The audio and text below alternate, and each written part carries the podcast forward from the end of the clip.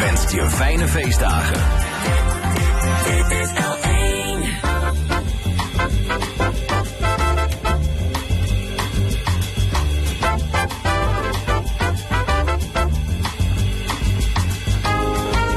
De stemming. Met Frank Ruber en Fons Geraerts.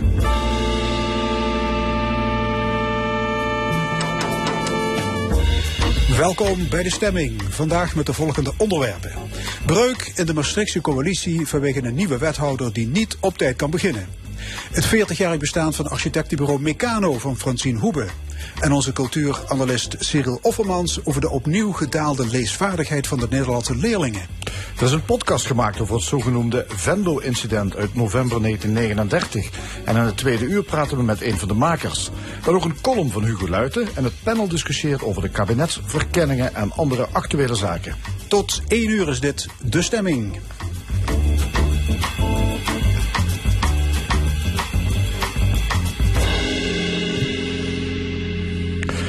Stadhuis op Stelten. Dat was afgelopen week het geval in Maastricht.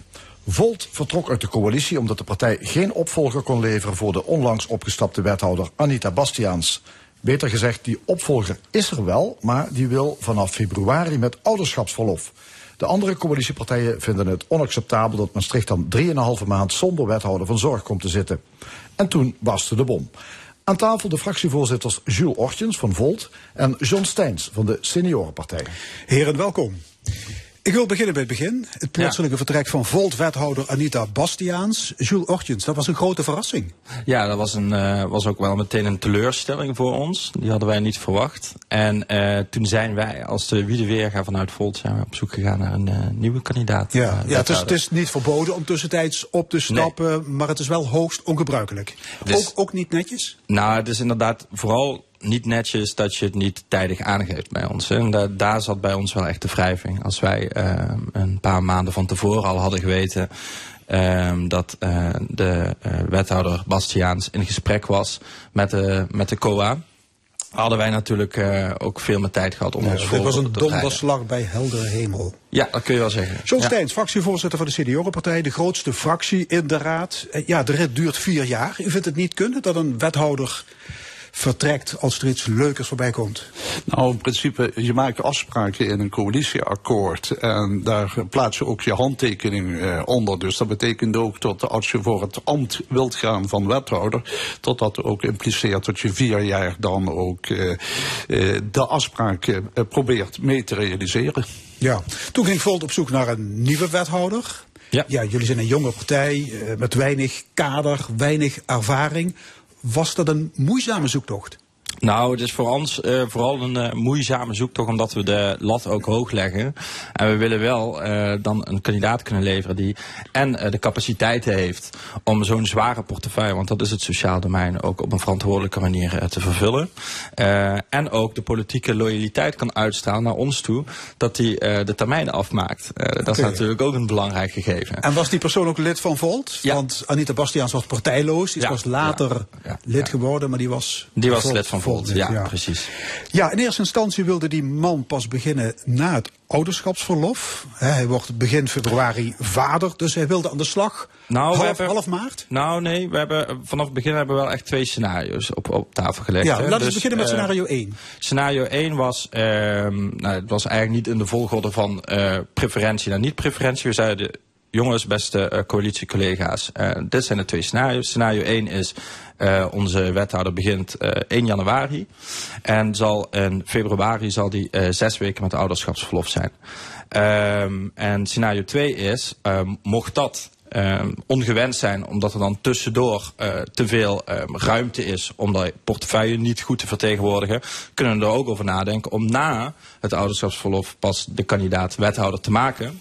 En tot dan, dat je dan tijdelijk de portefeuilles onder de bestaande wethouders verdeelt.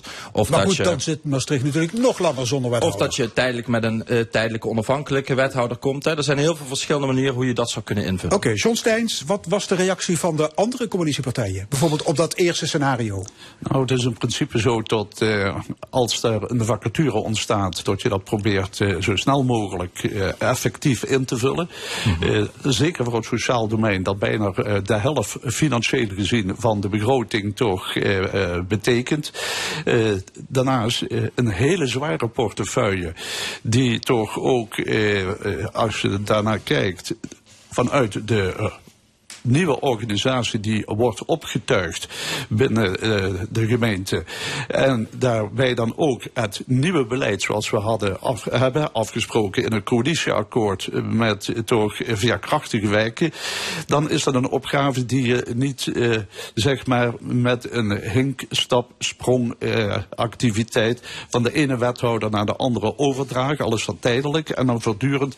Dat betekent in feite totdat toch je eigen beleid wat je met z'n allen uh, hebt afgesproken na te streven, uh, voortdurend onder onnodige spanning komt. En daarnaast, als je het overdraagt aan de zittende wethouders, een overbelasting van hun werkzaamheden gaat meebrengen. Dus beide scenario's waren voor de andere coalitiepartijen onacceptabel. Uh, 1 januari beginnen is te laat en helemaal is te laat Nou, na eh, het, het, het 1 januari werd niet als te laat gezien. Voor wat, wat mij is gecommuniceerd vanuit de coalitie is dat die zes weken eh, onwenselijk waren. Kijk, het is in feite zo dat je dus uh, uh, fulltime aan de slag moet gaan zonder onderbreking. Ja. Mhm. Ja. En toen is ook nog een, een, een andere oplossing op tafel gelegd. Namelijk, we zoeken als coalitie samen naar een onafhankelijke kandidaat. Iemand van buiten, een, een deskundige. Mhm. Daar kon Volt niet mee leven? Nou, daar kunnen wij zeker mee leven. Want als er dadelijk een hele goede onafhankelijke wethouderkandidaat naar voren wordt geschoven vanuit het college of vanuit de coalitie, dan gaan we die gewoon En steunen waarom vanuit is dat de dan raad. niet... eh, Dan gaan we die gewoon steunen vanuit de raad. Um, maar als je wil dat wij in een coalitieoverleg wekelijks zitten, dan willen we natuurlijk ook een bestuurder in dat college hebben. Als we die niet kunnen hebben, nou dan gaan we even goede vrienden constructief en kritisch vanuit de raad verder. Dat doen we nu ook.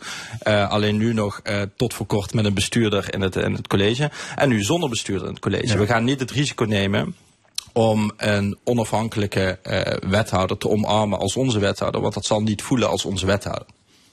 Meneer Ortjes, uh, u zei deze week ouderschapsverlof is een essentieel recht. Ook voor ja, wethouders. Wij zien dat als een essentieel recht. Oké. Okay. Ja. Nou, ik heb nu contact met Axel Boomgaars, voorzitter van de wethoudersvereniging, die zich inzet voor het wel en wee van wethouders. Ja. Meneer Boomgaars, de hamvraag. Hebben ja. wethouders recht op ouderschapsverlof?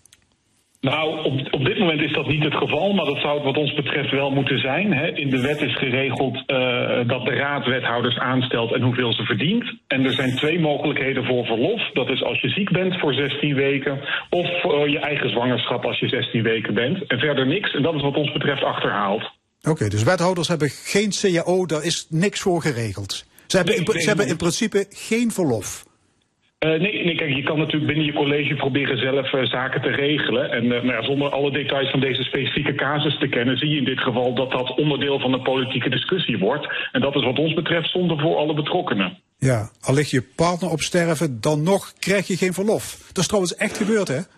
Dat is een echte casus waarvan wij weten hebben, inderdaad. Ja. Maar denk ook aan zaken als mantelzorg of studie of uh, whatever. Er zijn in de loop der jaren een heleboel arbeidsvoorwaarden voor reguliere werknemers bijgekomen, maar voor wethouders niet. Nou ja, dat zie je nu dus tot spanning leiden. Ja, dat lijkt me anno 2023 geen, uh, geen houdbare situatie. Moet er niet iets gedaan worden aan de beroerde rechtspositie van deze bestuurders?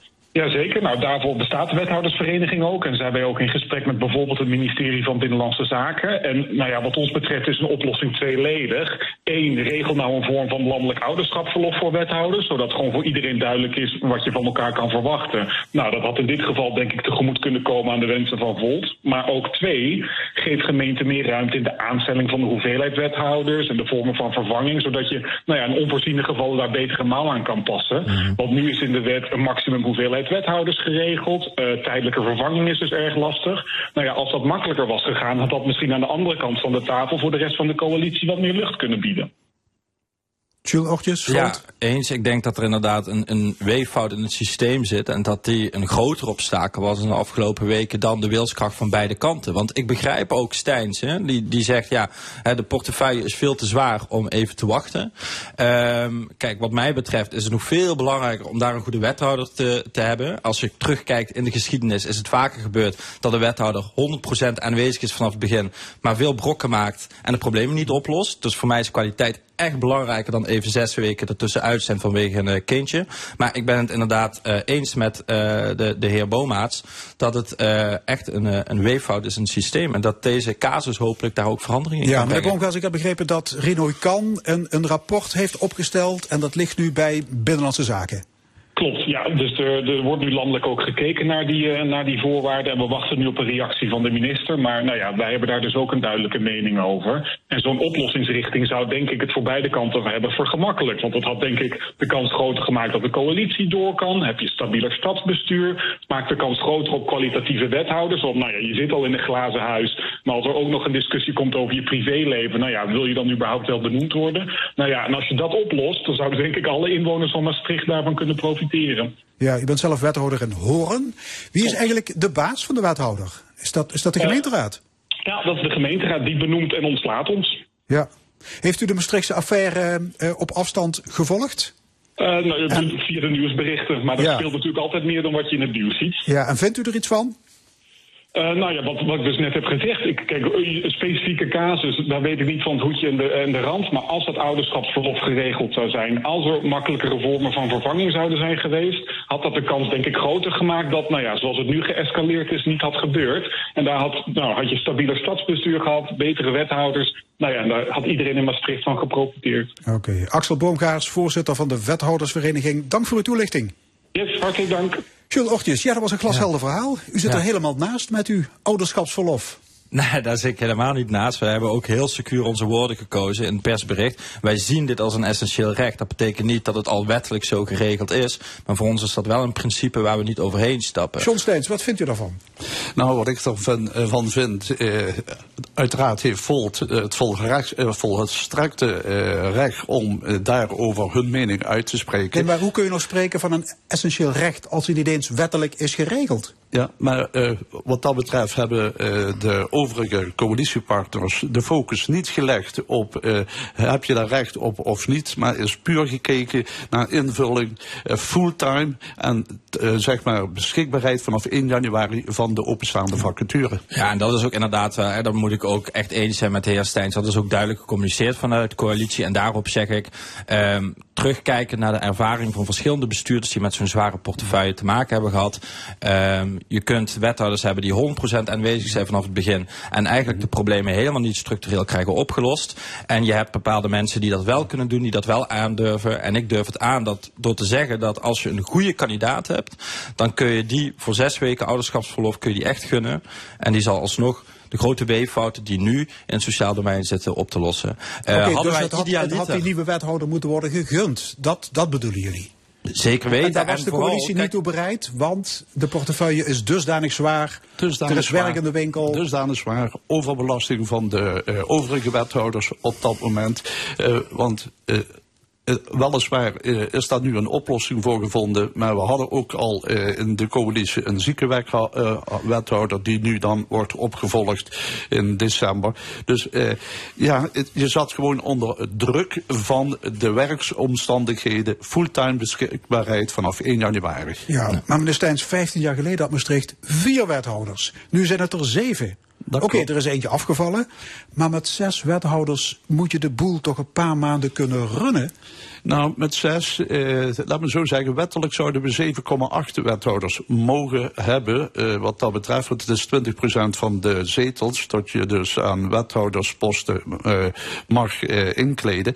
Maar dat tegenover staat tot er een uh, dusdanig uh, nieuw beleid is geformuleerd. Dat wethouders nu ook stadsdelen in hun portefeuille hebben gekregen. Dat er een nieuwe reorganisatie volop zich aan het voltrekken is. En daarnaast uh, de, de, werkdruk uh, als gevolg daarvan dusdanig groot is dat het onverantwoord is met minder wethouders uh, te functioneren. Oké, okay, u zegt alle hands aan dek. Zo nou, maandagavond barstte de bom ten stadhuizen. is Volt u uit de coalitie gegooid? Of zijn jullie zelf opgestapt? Jules Ochtjens. Ja, dat is me eerder gevraagd. Ja, fysiek ben ik natuurlijk niet uit een raam gegooid. Hè. Ik ben uiteindelijk zelf natuurlijk uit die kamer gelopen. Uh, maar uiteindelijk uh, was de conclusie gewoon van beide kanten. Wij willen iets anders. Ik wil achter deze kandidaat wethouder blijven staan. Omdat ik geloof dat je hier een kwalitatief hoogstaande bestuurder moet uh, hebben voor zo'n ontzettend zware portefeuille waar wij de verantwoordelijkheid voor willen nemen. Nee, dat snap ik. Maar nu antwoord En- op de vraag. En vanuit de coalitie was dat onacceptabel. Dus uiteindelijk scheiden dan je wegen en ga je constructief verder vanuit de raad. Ja, de wethouder. eh, John Steens, wat is er nu gebeurd maandagavond? Nou, Hebben jullie Volt Nou, nou, vaarwel wat- gezegd? Of zijn ze zelf? Hoe, Wat is er gebeurd? Omdat eh, er geen eh, zeg maar, eh, alternatief eh, plan B zou eh, eh, eh, zijn bij, bij Volt eh, om toch te voldoen aan die fulltime, betekende dat inderdaad eh, tot eh, eh, de- maar één conclusie was. En die heeft Volt terecht eh, ook eh, zelf eh, eh, kunnen trekken en mogen trekken. Al is het jammer voor een jonge, nieuwe, energieke, enthousiaste club. Maar eh, ja, hebben ze afscheid genomen van, eh, van de coalitie. Ja, maar Volt zegt, we hebben een keigoede kandidaat.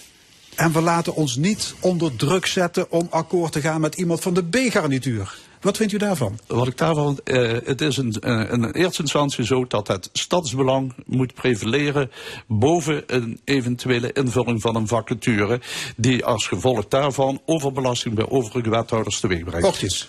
Ja, ik ben het met het begin van die zin ben ik het helemaal eens. dat dacht ik al. Ja, precies. En ehm, ik zou het niet, eh, eh, als ik die verantwoordelijkheid wil nemen, dan wil ik die verantwoordelijkheid nemen voor een keigoede bestuurder. En als ik dan uiteindelijk voor een bestuurder moet gaan staan, waar ik niet 100% achter kan staan, voor zo'n ontzettend belangrijke portefeuille, dan voel ik mij onverantwoordelijk. Dus ehm, wat ons betreft hebben wij een hele verantwoordelijke keuze hier. Ja, maar dus, en u gaat toch ook voor de allerbeste kandidaten, hè? Zo is dat. En u gaat niet met, met de nummer 2 in zee, eh, omdat die zes weken eh, niet inzetbaar is. Nee, maar je moet wel een eh, jonge, eh, enthousiaste club die voor het eerst zeg maar in een coalitie eh, is ingestapt, ook alle ruimte bieden om mogelijke alternatieven zorgvuldig te bekijken. En helaas is dat niet gelukt. Heeft Volt ernstige fouten gemaakt? En ik wil niet spreken over fouten, dat- zou eh, misplaatst zijn. Eh, wij moeten kiezen om, eh, om dus het beste voor Maastricht fulltime, tijdig en zorgvuldig in te vullen. Volt is nu eh, ja, uit, eh, uit de coalitie. Twee zetels hadden jullie in de raad.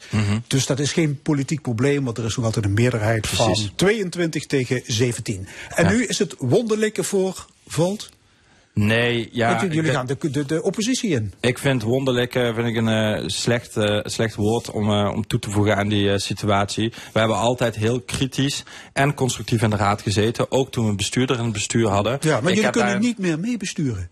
Ehm, ik denk dat wij heel veel invloed kunnen uitoefenen vanuit de raad. Ehm, dat het gaat op een dualistische manier. Dat doet senior partij doet dat ook eh, eh, niet altijd alleen maar eh, vanuit het bestuur, maar ook vanuit de raad. Ik ken de heer Steins en is een uitmuntend raadslid waar, ja, waar je alleen maar van kan zeggen dat de gemeenteraad ontzettend veel eh, te zeggen heeft. Dus affaire of was, was landelijk nieuws. Heeft Maastricht nog imago-schade geleden? Nou, ik denk het niet eh, in, in die zin. Kijk, het is wel een, een, een, nou, een, eh, een voorbeeld. En terecht door je eh, van, vanmorgen dan ook de voorzitter van de wethoudersverenigingen erbij eh, heeft gehaald. Om toch eens te kijken, wat is de rechtspositie van wethouders? Want er speelt op dat front ook wat betreft de rechtspositie van raadsleden, speelt ook. Dus nee, het is prima om een goede discussie daarover te voeren. Oké, hartelijk dank allebei. Fractievoorzitters John Steins van de Seniorenpartij en Jules Ortjens van Volt. Dankjewel. En dit is L1 Radio met De Stemming. Zometeen is cultuuranalist Cyril Offermans onze gast. Over de leesvaardigheid onder jongeren en over boeken die verheldering bieden op de oorlog tussen Israël en Hamas. Maar eerst de Kaiser Chiefs met Caroline Yes.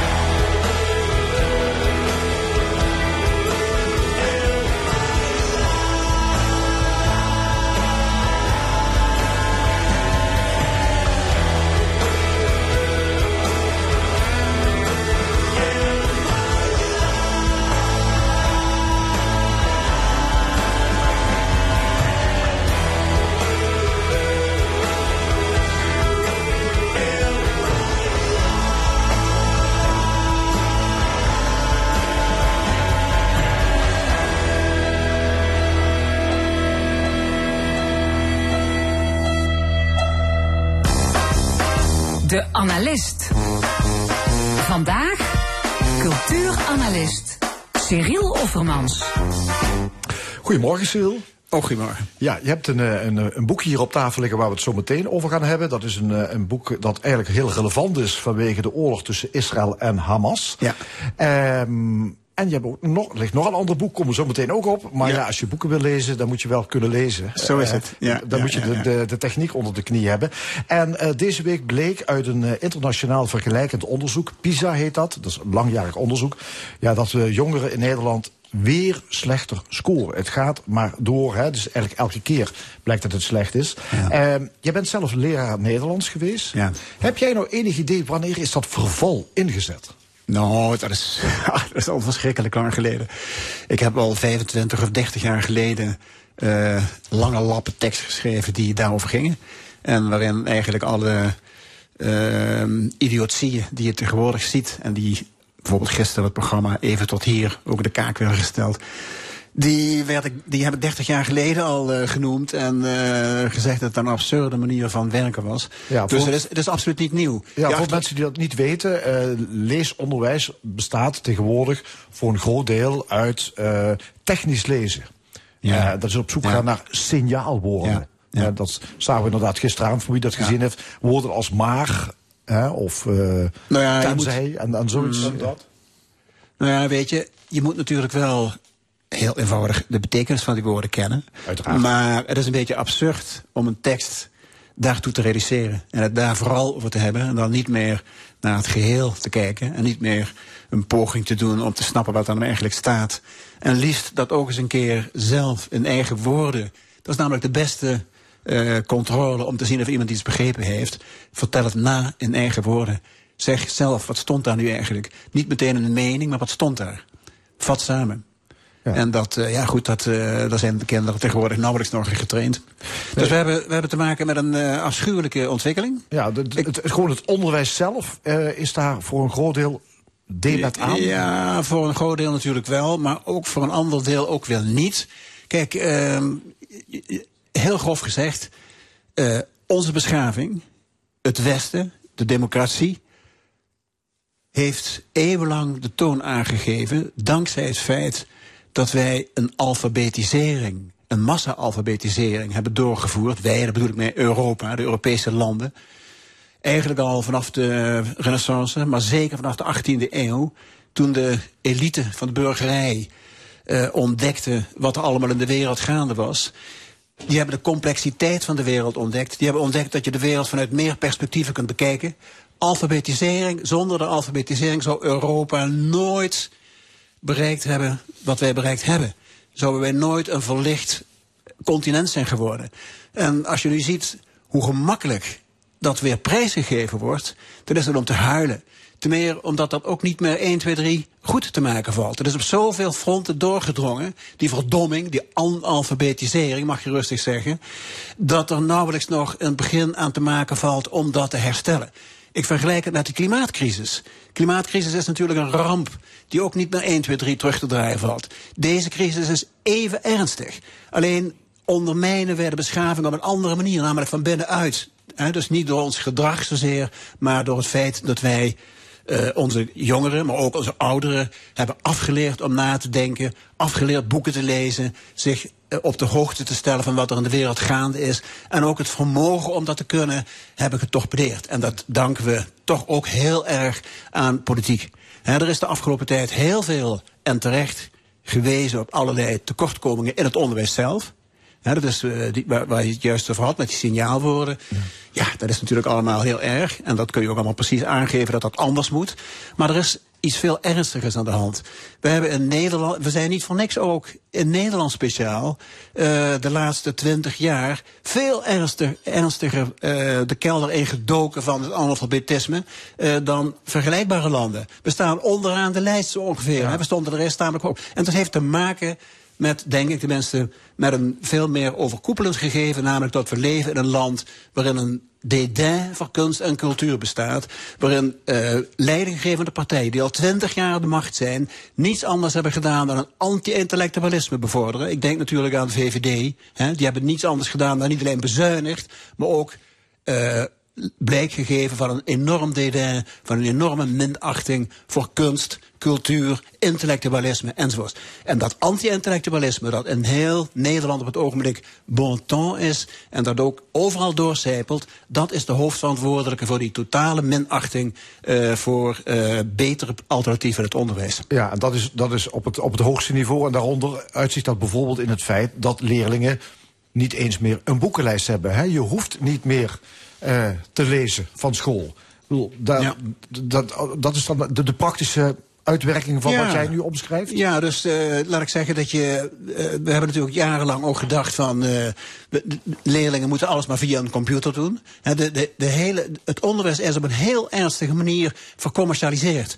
Door de invoering van allerlei technische middelen. die, de, die als het ware. verkocht werden onder een bevrijding, onder een soort, een soort emancipatie van kinderen moeten autonoom zijn, moeten zelfstandig zich kunnen ontwikkelen. Hier heb je een apparaatje, daar gaat dat mee. Dat is natuurlijk heel bevorderd door die industrie die erachter zit. Die computer, die introductie van de computer in het onderwijs, dat is, met, dat is gepusht door de bedrijven die daar winst bij, eh, die daar voordeel in zagen.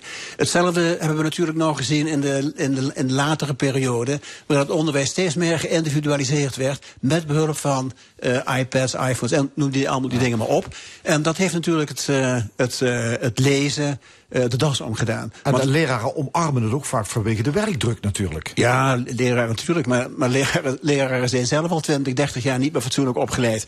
Eh, als je naar lerarenopleidingen kijkt, hè, ik heb er zelf ja, jaren geleden dus ook al me in verdiept in die dingen. Je hebt eh, leraren Nederlands die, die ook zelf nooit lezen. Nee, die ook zelf niet meer de- kunnen lezen. En die ook hun de eigen minachting voor het lezen ook openbaar demonstreren. Ja, op en de die dus- Pabo zijn er heel veel leraren in de opleiding die gewoon nooit boeken lezen. Ja, klopt. Ja. En eh, die vinden het dus prachtig als er eh, weer een nieuwe, een nieuwe methode komt waarbij die kinderen aan zichzelf, aan hun eigen lot overgelaten worden. Ja, maar- je maar- zit je enorm op te winden. Hè? Dit, dit Het is zit je heel hoog. Ja, natuurlijk. Het is- ik, het- ik heb niet voor niks gezegd zojuist dat ik het een van de ernstige crises vind eh, van deze tijd. Hè, dus de, de, de ontvankelijkheid voor eenduidige berichten waar we nu mee te maken hebben, voor simplistische opvattingen over wat er in de wereld gaande is, wat we overal om ons heen zien. We noemen dat populisme.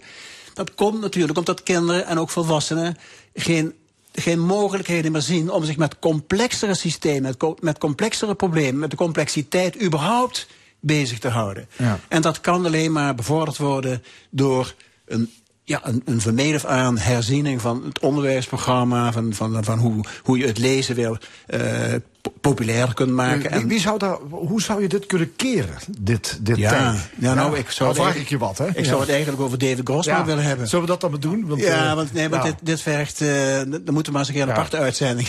Zeker. een uur lang aan besteden. Want dat is, is te veel om dat in een paar Zinnen af te doen. Ja, David Grossman, je noemde hem. En ik zei al, eh, het is een, een ja, boek, boekje, hè, wat, daar, wat boekje, daar voor jou ligt. Eh, en dat is een eh, Israëlische schrijver. Ja. Misschien moet je hem even introduceren. Ja, David Grossman is, ehm, was tot voor kort, toen Amos nog leefde, had je in, Israël twee intellectuelen die van, eigenlijk van meet af aan voor een twee-staten-oplossing waren in Israël. Os is eh, kort, een paar jaar geleden overleden. Grossman is nou de belangrijkste vertegenwoordiger van dat geluid. Ehm, hij is eigenlijk romanschrijver. Niet te verwarren trouwens met Vasily Grossman, de Russische romanschrijver. Dit is David of David Grossman.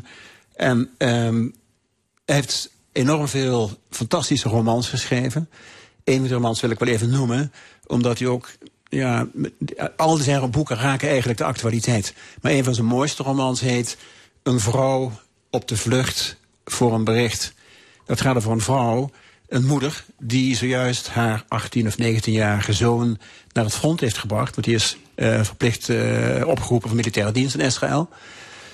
Ehm, die vrouw die is van mede ook bang dat ehm, er een bericht zal komen dat haar zoon gesneuveld is. En die denkt dat te kunnen ontkomen door een soort wandeltocht door Israël, of de Galilei Ja. heet het dan daar, te maken. Ja. En, Ja, ja, oké. Maar, maar goed, dat gaat dan over de roman. ja, maar wacht even, wacht even, dat is wel heel belangrijk. Want, want onder, onderwijl dat Grossman aan dat boek werkte, een jaar of 15 geleden, ehm, kreeg hij ook zelf het bericht dat, een, dat er ook echt zo gebeurd is. Hè. Een zoon van hem is toen in, eh, ik weet niet precies waar, maar Libanon, Libanon, ik. ja. Bij een tankaanval is die, eh, of in ieder geval bij, bij een tankongeluk, zal ik maar zeggen, eh, is die gesneuveld. Ja. En eh, dus, dus hij weet precies waar hij het over heeft. Hè? Ja, en, wat, wat, wat dit is geen roman, hè? Wat je Nee, maar het, ja, precies. Maar het knappe van Grossman is dat hij, ondanks het feit dat hij zelf ehm, alle redenen zou hebben om eh wraaklustig te worden en om de schuld bij anderen te zoeken, dat hij is, is gebleven bij zijn opvatting dat er alleen een oplossing voor Israël kan komen, voor de hele Israëlische problematiek, als er een twee-staten oplossing komt. Ja. En daar heeft hij de afgelopen maanden, jaren eigenlijk, heeft hij daar regelmatig essaytjes, krantenstukken over geschreven. En van die krantenstukken, eh, van het afgelopen twee jaar denk ik ongeveer, is nu, bij wijze van spreken gisteren of eergisteren, een mooi, dun boekje verschenen. Dat heb ik hier. Het boekje dat heet De prijs die we betalen. Ja. Is dit een aanrader voor jou, voor, volgens jou? Ja, absoluut. Ja, ja, nee, natuurlijk. Dus, eh, hij, hij, hij- het, het mooie is dat hij niet rancuneus is, niet eh wraaklustig is geworden. eh, dat hij eh, begrijpt wat, er- ja, men- voor zover je het kunt begrijpen, begrijpt hij het. Want hij heeft namelijk al jaren geleden precies aangekondigd wat er nu gebeurt. Hè, dit stuk, in de, als je dit, eh, die artikelen leest hier, dan zie je, dit is gewoon een aankondiging van een ramp.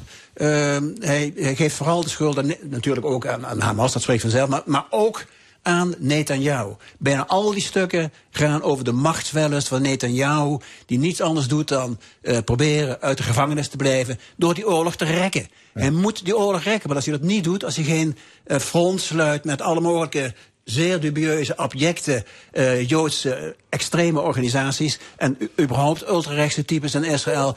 dan gaat hij de gevangenis in. Dus heeft, David, ja.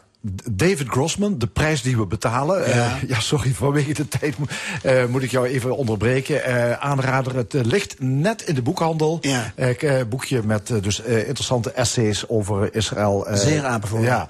Eh, tot heel kort nog, je hebt nog een cultuurtip. Wat, wat is dat? dat is een boek. Ja, dat is ook een boek dat eigenlijk veel langer dan... Nou, je moet, eh, noem even de titel. Ik noem Aanrader. de titel. eh, Willem Diepraam, fotograaf.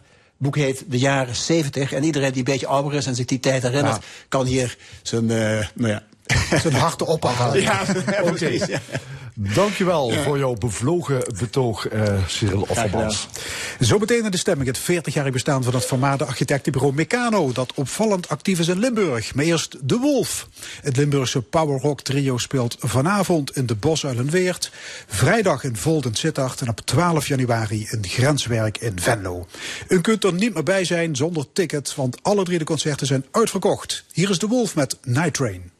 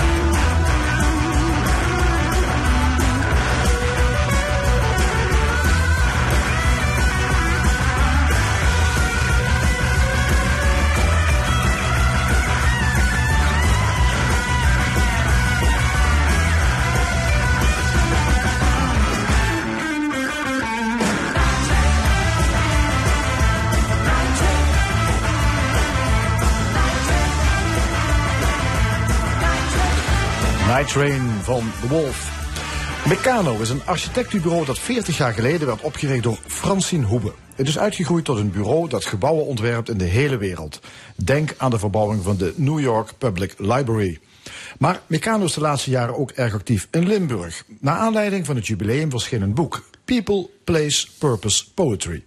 Bij ons Meccano-medewerker Luc van Weidik. Luc, welkom. Eh, om met dat boek eh, te beginnen, het is een monografie van 500 bladzijden. Engelstalig, kost 70 euro. Die zullen niet als zoete broodjes over de toonbank gaan, denk ik, hè? Nou, dat denk ik wel. Oh ja? ja? het is een heel mooi boek. Eh, het is een boek met het werk over de afgelopen 40 jaar van Meccano... met hele mooie foto's. En ehm, het is een vervolg op een boek dat we 20 jaar geleden hebben gemaakt. En dat ging ook als zoete broodjes. Ja. Jullie zwaaien jezelf wel een hoop lof toe. Ik lees over iconische projecten, buitengewone architectuur, gebouwen die emotie en magie oproepen. Bescheidenheid is niet jullie sterkste punt? Eh, ik weet niet of het, eh, of het nodig is om eh, heel erg bescheiden te zijn. Ehm, maar ja, het werk dat wij doen over de hele wereld wordt wel gewaardeerd. En volgens mij mag je daar ook af en toe wel trots op zijn. Als je jezelf goed vindt, mag je dat uitdragen. Precies. Het boek heet, ik vertel het even, Mensen, Plek, Bedoeling, Poëzie. Waar komt dat poëzie vandaan? Wat wordt daarmee bedoeld? Ja, we hadden eh, een jaar of bijna twintig jaar geleden hebben wij een boek uitgebracht, People, Place, Purpose. Eh, dat ging over de filosofie wa- waarin Meccano haar ontwerpen eh, aan het ontwerpproces aanvliegt. En het gaat altijd over, en ook in die volgorde van People, Place, Purpose. We, we, we bouwen voor de mensen die in het, in het gebouw straks aan het werk gaan, gaan wonen of eh, ehm, op bezoek komen. Ehm, het gebouw is altijd gebonden aan een context. Een context heeft altijd een bepaalde ehm, ja, bepaalde lichtinval, bepaalde topografie. Het gebouw moet daarop reageren. Dus wij zoeken altijd naar de kwaliteit van de context om daar met het gebouw naar, eh, op te reageren. En uiteindelijk bouw je natuurlijk voor een bepaald soort gebruik. En we hebben nu, twintig jaar later, hebben wij po- poetry daar aan toegevoegd. Omdat een gebouw ook een verhaal vertelt. Het vertelt het verhaal van de gebruiker. Het vertelt het verhaal van de tijd waarin het ontworpen is. Het vertelt het verhaal van de architect. Het vertelt het verhaal van de, eh, het bouwproces. En als al die verhalen goed bij elkaar komen, als die allemaal in een bepaald ritme lopen, dan krijg je poetry, dan krijg je poëzie. Dus jullie kijken niet alleen naar de functionaliteit, maar jullie voegen daar een soort spirituele dimensie aan toe. Ja, de storytelling. Het vertelt het verhaal. Ja. Jullie werken overal. In New York, in Taiwan en de laatste tijd opvallend vaak in Zuid-Limburg. Eh, jullie directeur Francine Hoebe heeft een deel van haar jeugd in Sittard en Geleen doorgebracht. Speelt dat een rol? Eh, Ja, zeker. Francine komt uit Sittard. Is een heel opgegroeid tot acht jaar, geloof ik. En ehm, we hebben een jaar of vijftien geleden hebben we de Rabobank in Sittard gedaan. En van daaruit zijn best wel wat meer projecten gekomen die, eh, die wij ook interessant Ja, of is het om ook een gebied waar jullie fel acquisitie voeren? Nou, op dit moment wel. Ik ben zelf ook uit Limburg, kom uit Zwijkhuizen. En eh, ik ben sinds twee jaar nu terug in Limburg gaan wonen. Eh, dat kan, hebben we geleerd in de, in de coronacrisis, dat thuiswerken goed werkt. Eh, en ja, dat is natuurlijk ook voor mij een, eh, een reden om ook hier meer acquisitie te doen. Ja, ja, ik heb begrepen dat, dat Meccano een heuse Limburg-team heeft opgericht. Het tien man die voornamelijk zich richten op deze regio. Ja, Klopt of het dat? nou echt, echt een Limburg-team is, nee, maar het is wel, we doen projecten en we proberen daar een kruisbestuiving te doen onder, in de projecten onderling. En daarmee zoveel mogelijk ook de kennis eh, van de mensen die eraan werken te behouden. Dus ja, het- je ziet wel dat er een aantal mensen elke keer terugkomen. Maar het is niet een dedicated Limburg Nee, team. nee, nee. Maar het feit dat jullie veel doen in dit, in dit gebied. Dat is ook de reden waarom jij naar Limburg bent teruggekeerd. Naar Eh, Geleen, Dat is één van de redenen. Ja, ja, ja. Je hebt een keer gezegd, relaties zijn in Limburg belangrijker dan commercie. Soms is dat minder efficiënt. In Rotterdam zeggen ze waar het op staat. Dus ik begrijp dat de Limburgse volksaard soms belemmerend werkt? Ehm, nou, niet per se belemmerend, maar je moet ermee weten om te gaan.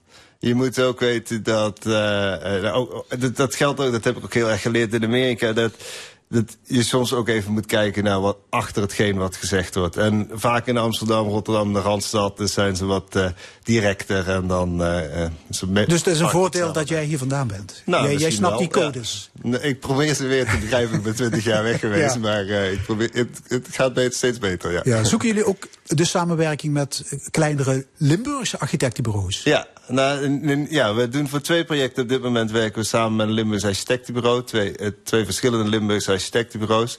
Ehm wij zijn het gewend vanuit onze projecten in het buitenland. Eh, dus dan werken we altijd met een local partner.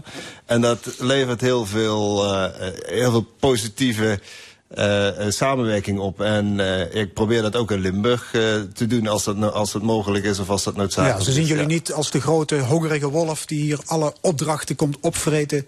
Ik hoop het niet, want dat is zeker niet de bedoeling. Nee. Nee. En jullie laatste project hier is het nieuwe stadskantoor in Heerlen. Het is gebouwd pal naast het oude gemeentehuis van Frits Peuts. Is dat nieuwe gebouw afgestemd op, op het oude? Ja, als je het dan hebt over het poetry, hè, ook dat, eh, die twee gebouwen die vertellen samen een verhaal. Ze vertellen onafhankelijk van elkaar een verhaal, maar ook samen.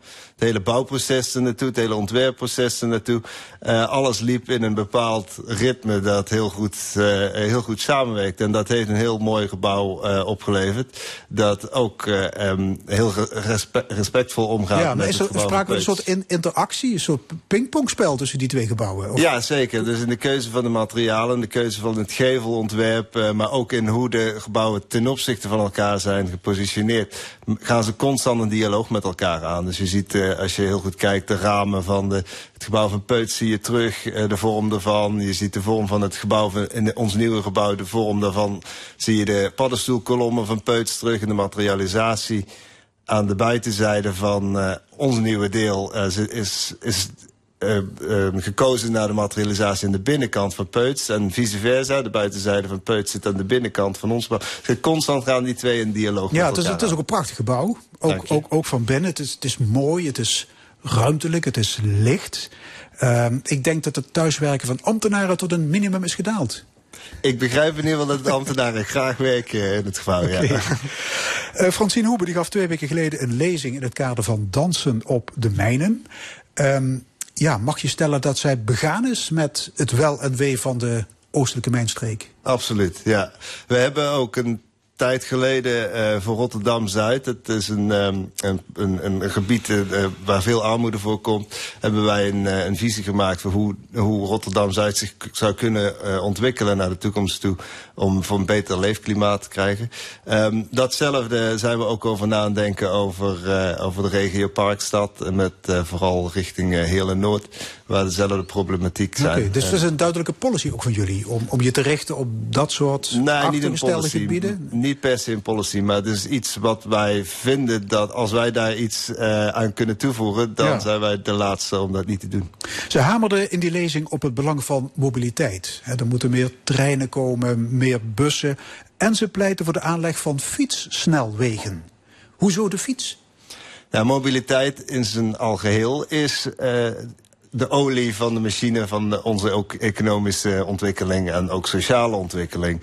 Ehm, eh, we zitten natuurlijk nu in een energietransitie waarin we de afgelopen jaren hebben geleerd eh, wat mobiliteit ook aan eh, stikstofuitstoot heeft, eh, maar ook een steeds ouder wordende, gezond, ouder wordende bevolking die ook gezonder ouder dient te worden. Ehm, eh, is, zou je in de mobiliteit eh, met, eh, door meer mensen op de fiets te kunnen krijgen, zou je een aantal eh, doelen kunnen bereiken. Zoals bijvoorbeeld een betere bereikbaar van verschillende delen van de steden of steden onderling. Maar ook meer beweging voor de mensen.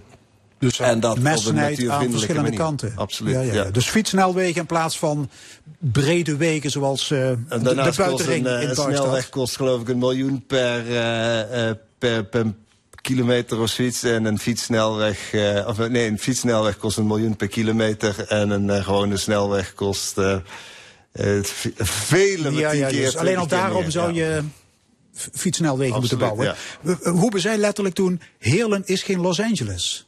Dat klopt, ja. En daar bedoelden ze mee dat je nooit de, de menselijke maat uit het oog moet verliezen?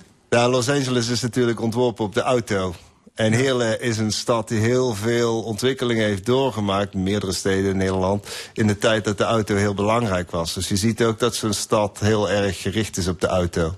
En ehm, ja, nu is een tijd om weer heel is zich op zelf opnieuw aan het uitvinden. En nu is het ook mogelijk om te kijken van wat zou er gebeuren als we die auto even op de tweede plek zetten. Oké. Een ander Limburgs Meccano-project is het vliegveld. Op verzoek van het actiecomité hebben jullie een alternatieve invulling gemaakt hè, voor dat complex, dat grote complex in Beek. Eh, dat zijn de mooiere opdrachten. Ja, dat was een hele bijzondere opdracht. Want die kwam vanuit een, eh, een, een, een, een relatie waarmee we samenwerkten in eh, het stadskantoor in Heerlen. Eh, en dat is een, een, een eh, organisatie die zich inzet om te kijken of er buiten functie vliegveld misschien ook andere mogelijkheden zijn voor het gebied. En die hebben ons gevraagd of wij daarin mee wilden denken. En ehm nou, we, hebben, we hebben dat gedaan. En we hebben eh, gedacht om van dat gebied een landschapspark te maken... met een bestaan, uitbreiding van bestaande bedrijventerrein... waarin eh, innovatieve bedrijven en overheid en eh, onderwijs in, in een synergie samenwerken om dat gebied, of in ieder geval de hele regio, eh, te ontwikkelen. En om ook een aantrekkelijk gebied te krijgen voor mensen om daar te wonen. Ja, maar helaas voor jullie heeft het provinciebestuur gekozen voor, beho- voor behoud van Maastricht, Aachen Airport. Dus dat vrije plan ligt nu in een Nou, dat vrije te plan, verstoffen. dat ligt er nog en dat gaat niet weg. Ja. En eh, papier is heel geduldig. Eh, en eh, financiën van een noodlijdend vliegveld misschien wat minder geduldig. Dus wie weet is er in de toekomst nog... Ook nooit uitgevoerd twee woontorens op het Schouwburgplein in Heerlen. Hè, torens die verwijzen naar de schoorstenen Lange Jan en Lang Lies van de Oranje Nassau-mijn 1. Is dat definitief van de baan? Die is definitief van de baan. Dat is overigens mijn reden dat ik naar Meccano ben gegaan destijds vanuit, eh, vanuit Limburg. Eh, maar die was al vrij snel van de baan. Waarom is dat gesneuveld? Ik, wat ik begreep destijds vanwege eh, eh, omwonenden die daar eh, niet blij mee waren. En ik geloof ook problema- problemen Te veel met Los de Angeles. parkeergarage eronder. ja, misschien wel. Ja. Hey, en jullie zijn momenteel bezig met de herinrichting van het fabrieksterrein van de voormalige cementindustrie Ensi. Ja. Bij de Sint-Pietersberg in Maastricht. Is dat plan klaar? Eh, het ambitiedocument is klaar. Dat hebben we vorig jaar november, december gepresenteerd. Op dit moment is de gemeente bezig met eh, het uitvoeren van voorbereidingsbesluiten. Dat betekent dat ze eh, bezig zijn met het maken van bestemmingsplan. En Dus het zit in de eh, molen, in eventjes, de, in de pijplijn. Ja, precies, in de bureaucratie. ja. Ehm, is de, de opdrachtenportefeuille goed gevuld? Want Ja. ik zag deze week een krantenkop. Architecten in zwaar weer door terugval bouw. Bijna de helft van de architecten in Nederland heeft minder opdrachten. Ja. Hoe zit dat bij jullie? Ja, dat is natuurlijk heel treurig. Ehm, bij ons gelukkig niet. Wij zitten gelukkig nog in de goede helft. Ehm, dat komt ook omdat wij eh, ja, al twintig jaar geleden hebben ingezet op diversificatie. En ehm, eh, dus dat betekent dat wij niet alleen eh, nationaal, maar internationaal ook projecten doen en niet in, over de hele wereld. Ja, van Taiwan tot het centrumplan van Meersen. ja, en verschillende opdrachtgevers, verschillende type opdrachtgevers, verschillende functies van gebouwen. En ja, als het even in de woningbouw slechter gaat, dan nemen andere projecten Dus dat was eigenlijk een slimme aanpak. Zeker. Die diversificatie. Ja. Ja. Minister Hugo de Jonge die wil dat er 250.000 sociale huurwoningen worden gebouwd. Hè, om de wooncrisis aan te pakken. Doet Meccano ook aan sociale woningbouw? Heel veel. Ja, de roots van Meccano zijn, is, eh, liggen in sociale woningbouw. Het eerste project van Meccano ooit is een sociale woningbouwproject. En op dit moment, eh, ja, ik denk dat we misschien wel, ik- als ik, niet, ik denk niet dat ik lieg, als we op dit moment 500 woningen, waarvan een heel groot deel eh, sociale woningbouw in, eh, in de orderportefeuille Ja. hebben. Maar Heb je compassie met die architecten die eh, ja, in zwaar weer verkeren? Absoluut, ja. Ja, ik vind dat, ik vind dat heel treurig, ja. Wat is het mooie van het architectenvak? Ja, je bent creatief bezig. Eh, en wat je doet, is ook daadwerkelijk, eh, dat komt er te staan, meestal. En dat kan iedereen zien. En dat kan iedereen zien voor een hele lange tijd. Ehm, het kost ontzettend veel eh, moeite om daar te komen. En, dat, eh, en heel veel uitdaging. Ja, en als je daarvan houdt, als je ambitie en uithoudingsvermogen hebt, dan is het het mooiste vak wat er is. Wie zijn de helden in, in, in dit vak? Voor mij? Nou, ik, ik werk al twintig jaar voor Francine. Dus Fran- Francine is wat mij betreft echt een heldin. Oké. En Frits Peuts die staat de laatste tijd aan de picture.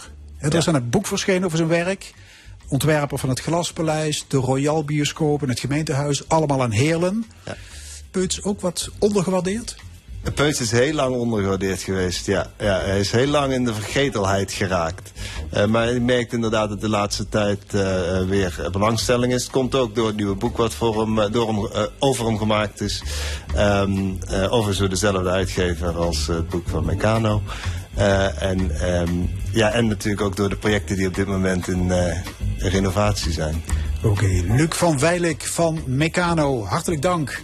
Het boek over Meccano is verschenen bij NAI 010 Publishers. Dank jullie wel. En na 12 uur in de stemming het verhaal over een podcast over het Venlo-incident uit 1939. Over censuur, complottheorieën en netnieuws. Tot zometeen. Ben jij al lid van Groene Kruis ledenorganisatie? Je krijgt dan onder andere korting op je aanvullende zorgverzekering en extra uitgebreide vergoedingen bij VGZ. Bijvoorbeeld voor fysiotherapie, preventieve cursussen en hulp bij de zorg voor jouw naasten. Kijk op groenekruisleden.nl. Word lid van Max, want zonder leden geen omroep. U bent al lid voor slechts 8,50 euro per jaar. Zo kunnen we blijven opkomen voor uw belangen en mooie programma's maken. Zoals Denk het aan Zwitserland en Sterren op het Doek. Steun Max en word lid. Bel 0900 4x5 3x0 cent per minuut. of ga naar ikwordlidvanmax.nl. Je viert de feestdagen natuurlijk met Holland Barrett. Met 50% korting op elk tweede product van bijna alle aanmerken. Nu in de winkel of op hollandandbarrett.nl.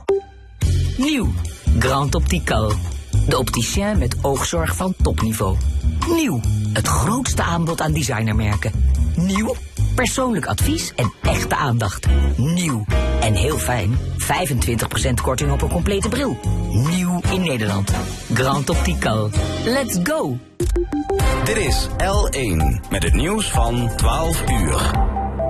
Kasper Meijer met het NOS-journaal. PVV-kamerlid Martin Bosma heeft zich verkiesbaar gesteld als voorzitter van de Tweede Kamer. Dat heeft PVV-leider Wilders bekendgemaakt. Zijn naam werd al genoemd in de Haagse wandelgangen. De 59-jarige PVV'er zit sinds 2006 in de Tweede Kamer... en heeft al twee keer eerder geprobeerd om Kamervoorzitter te worden. Donderdag kiest de Tweede Kamer een nieuwe voorzitter. Andere kandidaten zijn GroenLinks PvdA'er Tom van der Lee... en verwacht wordt dat VVD-Kamerlid Roelien Kamminga... die nu tijdelijk voorzitter is, zich ook kandidaat zal stellen. In Delft is gisteravond een man overleden nadat zijn auto in het water was beland. Een andere inzittende overleefde het wel, hij kon de auto uitklimmen. Beide mannen zijn in kritieke toestand naar het ziekenhuis gebracht... waar de bestuurder is overleden. Hoe de auto in het water terecht is gekomen is nog onduidelijk. De Delftse politie vraagt mensen die meer weten over het ongeluk zich te melden. De geloofwaardigheid van de VN-veiligheidsraad is ondermijnd... omdat het niet lukte om een humanitair staakt het vuren in Gaza door te voeren. Dat zegt VN-baas Guterres. De Verenigde Staten gebruikten vrijdag hun vetorecht om de resolutie tegen te houden. Daar kwam internationaal veel kritiek op. Guterres zegt verder dat hij niet zal stoppen met het oproepen tot een staakt het vuren. De VN-baas gebruikte donderdag zijn bevoegdheid om zelf de Veiligheidsraad bijeen te roepen. De tweede dag van de wereldbekerwedstrijden schaatsen in Peking... heeft de Nederlandse shorttrackploeg twee keer goud en één keer zilver opgeleverd. Allemaal voor de vrouwen.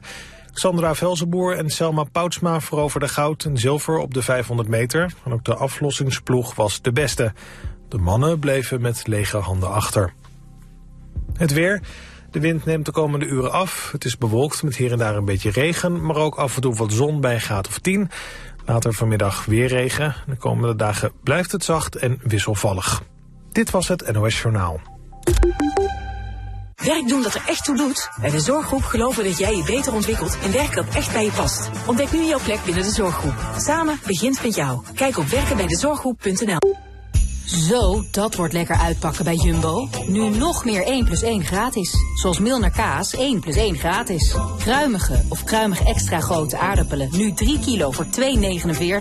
En bolletje, crackers of knekkenbreud. Nu ook 1 plus 1 gratis. En dat voor die prijs. Jumbo. Slimme zorg van morgen begint met jou. Bekijk de vacatures op werkenbijdezorggroep.nl Parkinson is de snelst groeiende hersenziekte ter wereld. Een meedogenloze ziekte die levens ingrijpend verandert en jong en oud treft. Er is hoop dat we door meer onderzoek Parkinson kunnen afremmen en ooit genezen. Maar Parkinson wacht niet. Daarom moeten we in actie komen. Doneer nu. En stop Parkinson. Ga naar parkinson.nl. Doe elkaar warmte cadeau. Pure ontspanning voor lichaam en geest. Met wellness tegoedbonnen en verwendpakketten van de Carolus Thermenbad Agen. www.carolus-thermen.de L1 wenst je fijne feestdagen.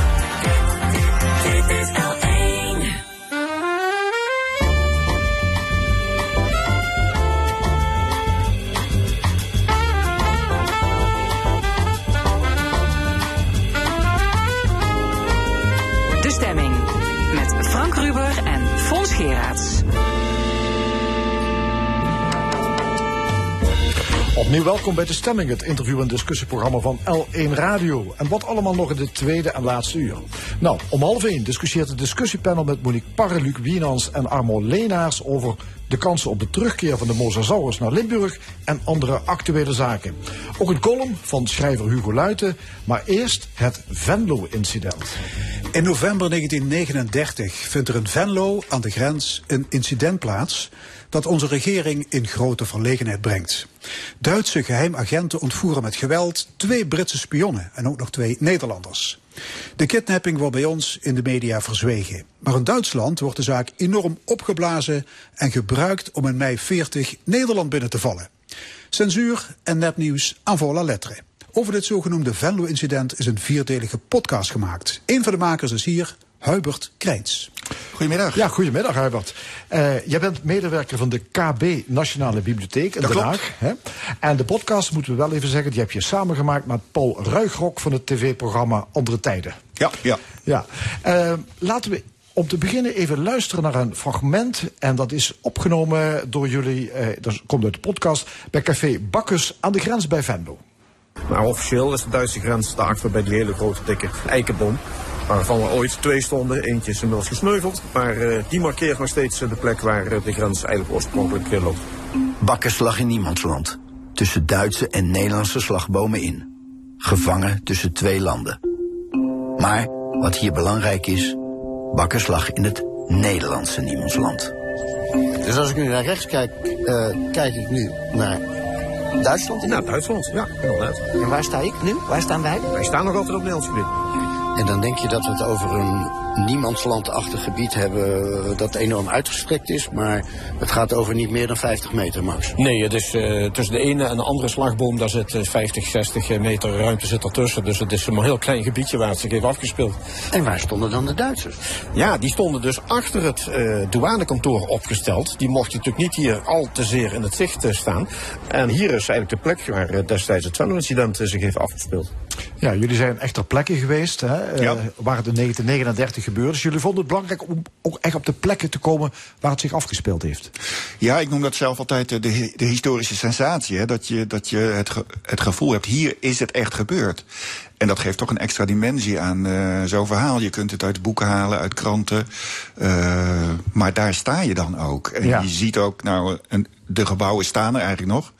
Ze zijn een beetje verbouwd in de loop der decennia. Maar ja, je kunt je daar helemaal voorstellen van... Oh, hier stond die persoon en daar kwamen die Duitsers vandaan. En hier is het echt gebeurd. Ja, laten we eens even eh, teruggaan naar 9 november 1939. Toen vond het Venlo-incident plaats. Eh, wat gebeurde daar? Nou, er kwam een auto eh, aanrijden uit de, uit de richting Venlo. met vier personen erin. Twee, twee Britten, twee Nederlanders. En die stoppen daar bij Café Bakkers. En die willen gaan parkeren. En eh, op dat moment verschijnt er een man op het eh, terras bij Bakkers. En die, eh, die zwaait met zijn arm. Schijnbaar ter begroeting, maar op dat moment komen er vanaf de grens en van achter Bakkers komen een heleboel gewapende mannen aanlopen in burgerkleding. En die beginnen meteen in de lucht te schieten. En een van die Nederlanders die springt uit de auto en die trekt zijn pistool en die schiet terug. Maar die wordt eigenlijk bijna meteen neergeschoten. En dan binnen een paar minuten worden die vier inzittenden, in- inclusief een auto, over de grens Duitsland ingesleept. En dan is het eh, voorbij.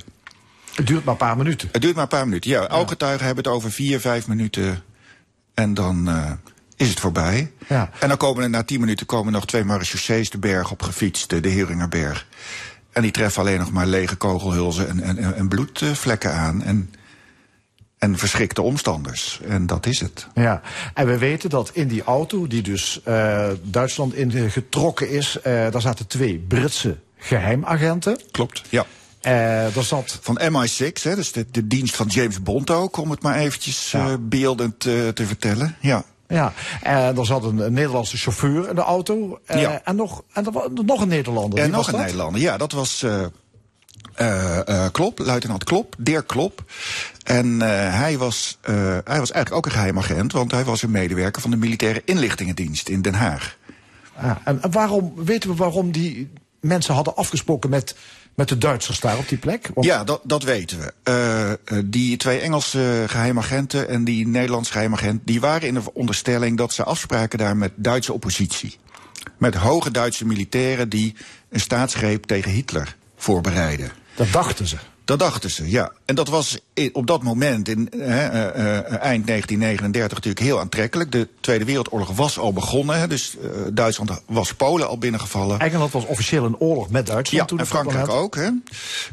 maar er werd nog niet gevochten aan het westelijke front.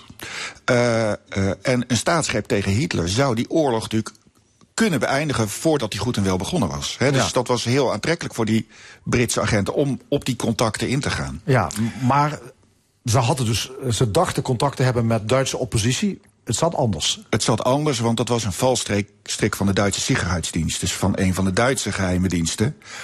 En uh, ja, die hadden die uh, Britten gelokt. Ook om zicht te krijgen op de Britse spionageactiviteiten in Nederland en in West-Europa. En uh, uh, ja, door met die mensen in gesprek te gaan, wilden ze er daar zicht op krijgen. Van hoe ja. actief is die, is die Brits geheime gediend? Wat doen die? Ja, en paniek bij de Nederlandse regering. Want Nederland was officieel neutraal. Maar ja, in die auto zat dus behalve die chauffeur, dat kun je misschien nog verkopen, maar daar zat ook een Nederlandse geheimagent. Ja, ja. en dat was een grote ramp hè, voor, voor de Nederlandse regering. Uh, tragisch was ook, de Nederlandse regering wist dat niet op dat moment. Dat was eigenlijk een. Uh, uh, die Britse geheime dienst die had contact opgenomen met de Nederlandse geheime dienst, want die hadden op zich wel goede connecties. En die Nederlandse geheime dienst had luitenant Klop meegestuurd als een soort chaperone om problemen ja. op te lossen bij bewakingsposten. Maar de Nederlandse regering wist dat niet. Oké, okay, dat, leidt, dat leidt tot een curieuze oproep aan de Nederlandse media. Laten we even luisteren. Ja. Een uh, bericht van de Rijkstelegraaf. De Rijkstelegraaf? De Rijkstelegraaf, ja, dat is de Rijksdienst voor het uh, telegraafverkeer. Dat is een bericht en de afzender daarvan is Lievegoed, dat is de achternaam van die meneer, chef van de regeringspersdienst.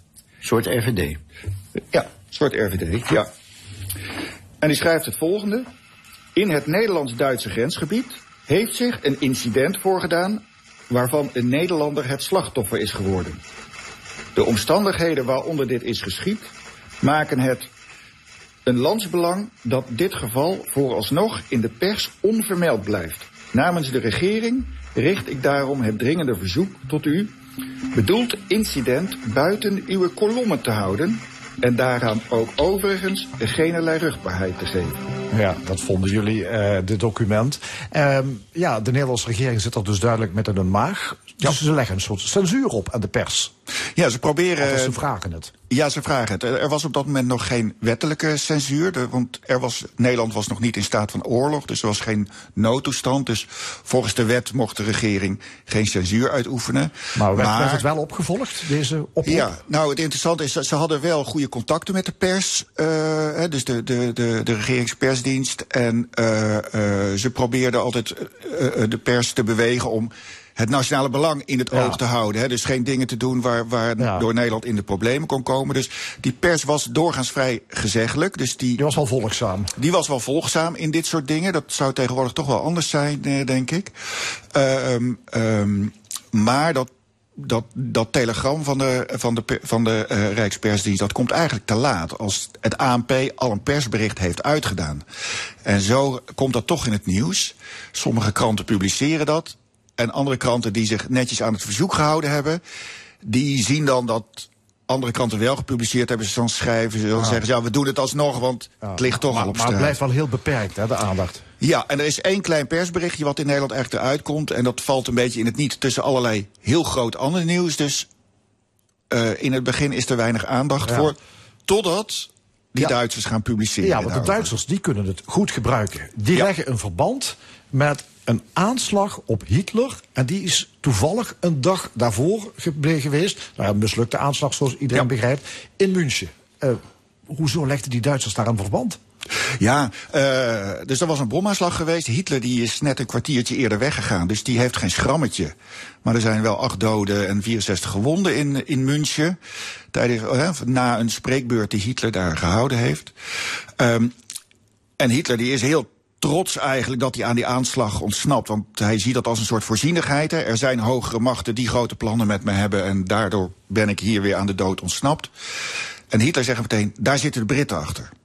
Dat weet hij niet. Dat is ook niet zo, komen ze al snel achter. Maar dat zit in Hitler zijn hoofd. En Hitler weet ook, er zijn contacten met de Britse geheime dienst eh, in Venlo. En hij zegt meteen oppakken die lui. En dat hoofd van de Sicherheidsdienst die, die die contact heeft met die Britten, die wil dat eigenlijk niet, want die wil eigenlijk dat spel nog langer spelen. Hè, dus om meer informatie uit die Britten te krijgen. Maar nee, Hitler en Himmler, dus het allerhoogste nazi, eh, de nazi-top, die zegt eigenlijk arresteren die Britten, want die kunnen we mooi gebruiken, want die geven we dan de schuld van die bomaanslag. Ja, eh, nepnieuws. Dus. Ja, een complot, Complottheorie. complottheorie die voor politieke doeleinden dan eh, wordt ingezet. En het Duitse propagandaapparaat maakt daar dan een heel eh, verhaal van met eh, die dader van die bomaanslag en die Britse geheime agenten. Ja, die worden ook nog, die, worden, eh, ja, die zijn naar Duitsland gevoerd. Hè, die blijven daar ook gevangen zitten gedurende de oorlog. De hele oorlog. Maar ja. die Nederlandse Dirk Klop, die is zogenaamd ook door de Duitsers ondervraagd. En die zou alles hebben toegegeven. Ja, die, die is dus bij het Venlo-incident al in zijn hoofd geschoten. En zwaar gewond, bewusteloos afgevoerd naar Duitsland. En eh, nou ja, ze onderzoeken dus zijn eh, papieren en dan in zijn kleding. En dan ontdekken ze dat hij dus een Nederlands geheim agent is. Alleen hij komt niet meer bij bewustzijn. Dat is een En- smoking gun. Een smoking gun, ja. Ja, zo zien de Duitsers dat. Hè, van, Want Nederland zou dus betrokken zijn bij eh, ja, allerlei verwikkelingen tegen Duitsland gericht. Ja, en dit is voor de Duitsers, gebruiken dit als bewijs van... kijk, die Nederlanders die werken met de Britten samen... en dan maken ze een nog groter verhaal van ook nog met de Belgen en de Fransen tegen Duitsland. En dat kan natuurlijk niet als je een neutraal land bent. Hè, dus, en die Duitsers zeggen, dit, het Venlo-incident, dat is het bewijs voor dit verhaal. Ja. En het is misschien ook wel heel stom dat ze hebben afgesproken op juist die plek daar aan die grens. Maar dat heeft misschien wel weer te maken met iets triviaals. Eh, laten we even luisteren. Jullie zijn op zoek gegaan naar familie van die Dick Klop. Jullie kwamen bij een nicht van hem uit. En die vertelt iets over zijn leven. Dat lijkt eh, misschien onbelangrijk, maar dadelijk blijkt het wel belangrijk te zijn. Laten we even luisteren. Het verhaal van Dirk Klop wordt met iedere kaart en brief boeiender. En hij had in al die landen, dat vertelde mijn moeder dan zo van... nou, oom Dirk eh, hield het niet bij één vrouw. In al die landen had hij wel een vriendin zitten. en dat zie je ook op die kaarten. Groetjes Daisy en dan, en dan weer eh, Silly en eh, weet ik veel dus hoe ze allemaal heten. ja, hij is een beetje eh, van de ene vrouw naar de andere. Dat kon zij niet helemaal waarderen. Ja, dus eh, dan, dan nu weer een kaart van iemand die eh, Frans schrijft. Cher Dickie. Ja. Lieber Dirk. Echt, eh, ja, een eh Emily. Het zal ook wel weer een vriendin zijn. in is het Zwitserland? Ja, Helvetia, kijk. Ze hoopt hem ooit weer ergens te zien. Irgendwo. Irgendwo, ja. Geweldig. En zo zijn er nog meer kaarten. In verschillende talen, uit verschillende landen, van verschillende vrouwen. En ze hebben het allemaal leuk met hem gehad. Dirk Klop, eh, ja, die genoot van het leven. En dat was ook de reden, begrijp ik, dat er was afgesproken aan die grens in Venlo. Ja, dat wil zeggen, hij had eh, van, van de, van de marechaussee-commandant in Blerik... had hij het advies gekregen om in het centrum van Venlo af te spreken... bij eh, eh, caf- Hotel Café Wilhelmina, als ik het goed heb. Ja, was een stuk veiliger lijkt mij dan. Ja, midden in de stad. En, eh, ehm, maar wat bleek nou? Dat eh de heer Klop, die had daar een, eh, een ex-geliefde wonen, een ex-verloofde. Ook Die daar al, was al, het was een hele lijst. ja, want hij had een tijdje in de kazerne in, in, in Venlo gediend, een aantal jaren eh, daarvoor. Dus, en Dirk die dacht, ja, dan kom ik straks die ex tegen het lijf. En ten eerste wil ik die niet tegen het lijf lopen. En ten tweede, dan valt mijn dekmantel af, Ja. dan word ik herkend. En dan eh, krijgen we problemen. Maar hij dacht, ik weet nog wel een andere plek waar het heel rustig is. Dat is bij Bakkers aan de grens. En dat is meteen makkelijk voor die Duitser, want dan is hij Ja. zo... eh, dan hoeft hij alleen maar even die grens over te Ja, wippen. maar zo, zo kan het dus gaan. Zo kan de geschiedenis lopen. Doordat Dirk Klop besloot aan die grens af te spreken. Hij met, met, die, eh, met die twee Engelse geheimagenten. Nou ja, vond het Venlo-incident plaats. Ja, werd die ontvoering wel heel makkelijk voor de Duitsers. Ja, Eh, ja. in- uit het hartje van, hartje, hartje van Venlo iemand ontvoeren is een stuk eh, ingewikkelder. Ja, nou zou die inval van de Duitsers in Nederland in 1940 zou natuurlijk sowieso hebben plaatsgevonden. Maar de Duitsers vonden dit Venlo-incident wel heel belangrijk, want dit konden zij gebruiken. Dit hebben ze ook gebruikt als argument. Ja, sterker nog, eh, eh, een paar uur na de Duitse inval op 10 mei... dan eh, komt de Duitse ambassadeur in Den Haag. Die meldt zich bij minister van Buitenlandse Zaken, van Kleffens... en die overhandigt hem een ultimatum. Eigenlijk niet eens een oorlogsverklaring, maar een ultimatum. Hè, waarin ze zeggen, ja, wij vallen nu met grof geweld in Nederland binnen. Jullie hebben geen schijn van kans. Als jullie nu overgeven, dan doen wij verder aardig tegen jullie. En daar staat, daarachter zit een heel memorandum met de redenen waarom die inval dan is plaatsgevonden. Punt 1 is het, eh, het schenden van, neutra van de neutrale positie. Samenwerking met Engeland, eh, België, Frankrijk tegen Duitsland. Eh, want, en bewijs daarvoor, punt 1, Venlo-incident. Ja, het Venlo-incident. Dus Ja. het is het argument wat de Duitsers gebruiken, vooral ook voor, hun binnen, voor de binnenlands, eh, binnenlands publiek eigenlijk, om die aanval op het neutrale Nederland te verantwoorden. Ja. Een heel verhaal. Eh, Nou ja, het is allemaal in, in de podcast te, te volgen Ja. natuurlijk. Het is heel spannend, want jullie gaan echt op zoek naar al die mensen... en de nabestaanden die erbij betrokken zijn. Nou, vooral nabestaanden, de mensen zelf zijn er natuurlijk niet meer. Eh, maar ja, het Venlo-incident is gebruikt om de aanslag op Hitler... werd er weer een verband gelegd. Het is eh een en al nepnieuws, dus complottheorie... Waarom wilden jullie dit laten horen? Nou ja, precies daarom eigenlijk. Omdat eh, ten eerste eh, onze stelling is nepnieuws is van alle tijden. En eh, er is nu heel veel te doen over nepnieuws, maar het is eigenlijk niks nieuws. Wel zie je natuurlijk dat bijvoorbeeld door de opkomst van sociale media, dat, dat de middelen, de, de, de, kanalen waarover nepnieuws verspreid wordt, dat, die veranderen zich wel door de tijd. Maar de trucendoos is. Is eigenlijk precies hetzelfde. En ik vind dat soms verbijsterend als ik eh, naar de berichtgeving over de oorlog in Oekraïne luister. Of over de berichtgeving over eh, nu de gevechten in eh, Israël, Palestina. dat je gewoon precies dezelfde misleidingstrucken daaromheen ziet plaatsvinden als. Eh, als toen eh, in de aanloop naar de Tweede Wereldoorlog. Ja, Dus de- in die zin is er eigenlijk niks veranderd. De media zijn veranderd, maar de trucken blijven hetzelfde. De trucken blijven hetzelfde. En, en dat heeft ook een zekere educatieve waarde. In de zin van dat achteraf kunnen we dit soort processen als bij het Venlo-incident... kunnen we vrij haarfijn ontleden. Zeg, kijk, en toen deed die dat en toen deed, reageerde die daar zo op. Eh, en als je daar middenin zit, is dat nog veel moeilijker. Dat heeft bij het Venlo... Het Venlo-incident is ook pas na de oorlog langzaamaan duidelijk geworden... wat er nou precies gebeurd is en waarom. Ja. Hè? Maar door dat achteraf te ontleden, kun je mensen ook een soort kritische gereedschappen in de hand geven. om nu ook mee naar het nieuws te kijken. Hè? Om je af te vragen: hé, hey, wie brengt dit bericht de wereld in en waarom? Met welk motief? Ja, ik moest ook denken aan de MH17, hè, waar je natuurlijk Zonder meer. in de, in de nasleep van het neerhalen van dat toestel, waar Rusland allerlei andere informatie bracht dan later uit de, het onderzoek bleek. Om zand in de, in de machine te strooien, om twijfel te blijven zaaien. Van ja, misschien hebben de Russen het toch niet gedaan. eh. Ja, ja. En, en je, ziet, je zegt, dus, ik zie het nu ook bij Israël-Hamas. Ja, nou ja, een heel, eh, een heel schrijnend voorbeeld was natuurlijk een paar weken geleden die raket die op de binnenplaats van het ziekenhuis eh, viel. En waar de Palestijnen en moord en brand dat heeft Israël gedaan. En Israël eh, roept heel terug naar jullie hebben het zelf gedaan. En het is nog steeds niet helemaal duidelijk wat er precies gebeurd is. Maar beide partijen hebben er belang bij hè, om de ander de schuld te geven. En wie dan, misschien weten ze het allebei ook niet eh, zeker. Eh, ehm, Ja, maar ja, in elke oorlog sneuvelt de waarheid als eerste natuurlijk. ja, dat is natuurlijk een, eh, een heel beroemd gegeven. En, en dat is ook wel logisch, want je wil de vijand natuurlijk niet voorzien van, van nuttige eh, informatie. Maar het, het nadeel daarvan is wel dat niemand meer precies weet eh, wat er gebeurt en wat er aan de hand is. Ja, dus mediawijsheid op scholen onderwijzen en dergelijke. Het, blijkt heel belangrijk te zijn. Ja, media op scholen onderwijzen. We zijn met de KB ook al eh, jaren mee bezig. Op, ook eh, in, in het voeden van de openbare bibliotheek. Ook met, eh, wij hebben het niet alleen over het recht van meningsuiting, maar ook het recht van meningsvorming. Je moet ook, als je een mening wil hebben, moet je die ook wel degelijk kunnen opbouwen op betrouwbare informatie. En daar proberen we ook met de bibliotheken weer in heel het land een, een rol in te spelen. En die bibliotheken die worden ook weer gebruikt door scholen. Dus zo hopen we dat dat elkaar eh, versterkt. Ja, ze heeft het ook een educatief doel. En Zeker. verder is het trouwens ook gewoon een heel spannend verhaal. hè? Het is ook een heel spannend historisch verhaal. En ik ben altijd verbaasd hoe weinig mensen eigenlijk van dat Venlo-incident ooit gehoord hebben. Dus het is niet iets wat totaal onbekend is. Lou de Jong schrijft er al heel uitgebreid over. proces van Nuremberg is het aan de orde proces van gekomen. Nuremberg is aan de orde geweest. Maar toch, het is een beetje weggezakt in de vergetelheid. En zo'n oud, relatief onbekend verhaal... ja, dat haal je dan toch weer even naar boven. Ja, het is heel spannend eh, om te luisteren. Vier afleveringen, de podcast Het Venlo-incident. Je kunt het zie- volgen via de NPO-site of andere podcastkanalen. Via de. KB ook, ja. Ja, oké. Ja. Dankjewel, Hubert Krijns. van Graag de gedaan. KB Nationale Bibliotheek. Dank jullie wel.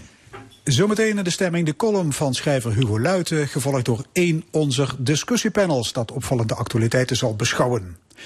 Veel Beatle-covers kunnen de toets der kritiek niet doorstaan. Deze wel, van James Brown.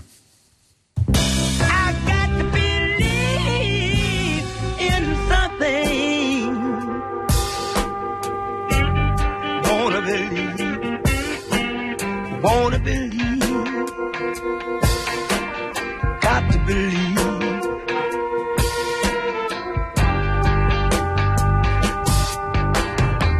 Something in the way she moves attracts me like no other lover. Something in the way she woos me.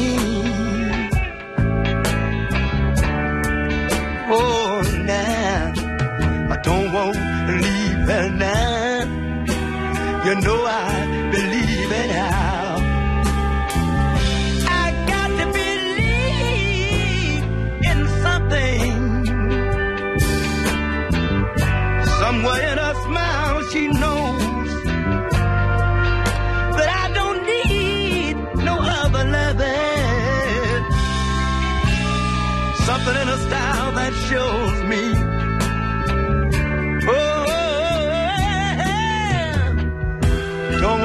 But now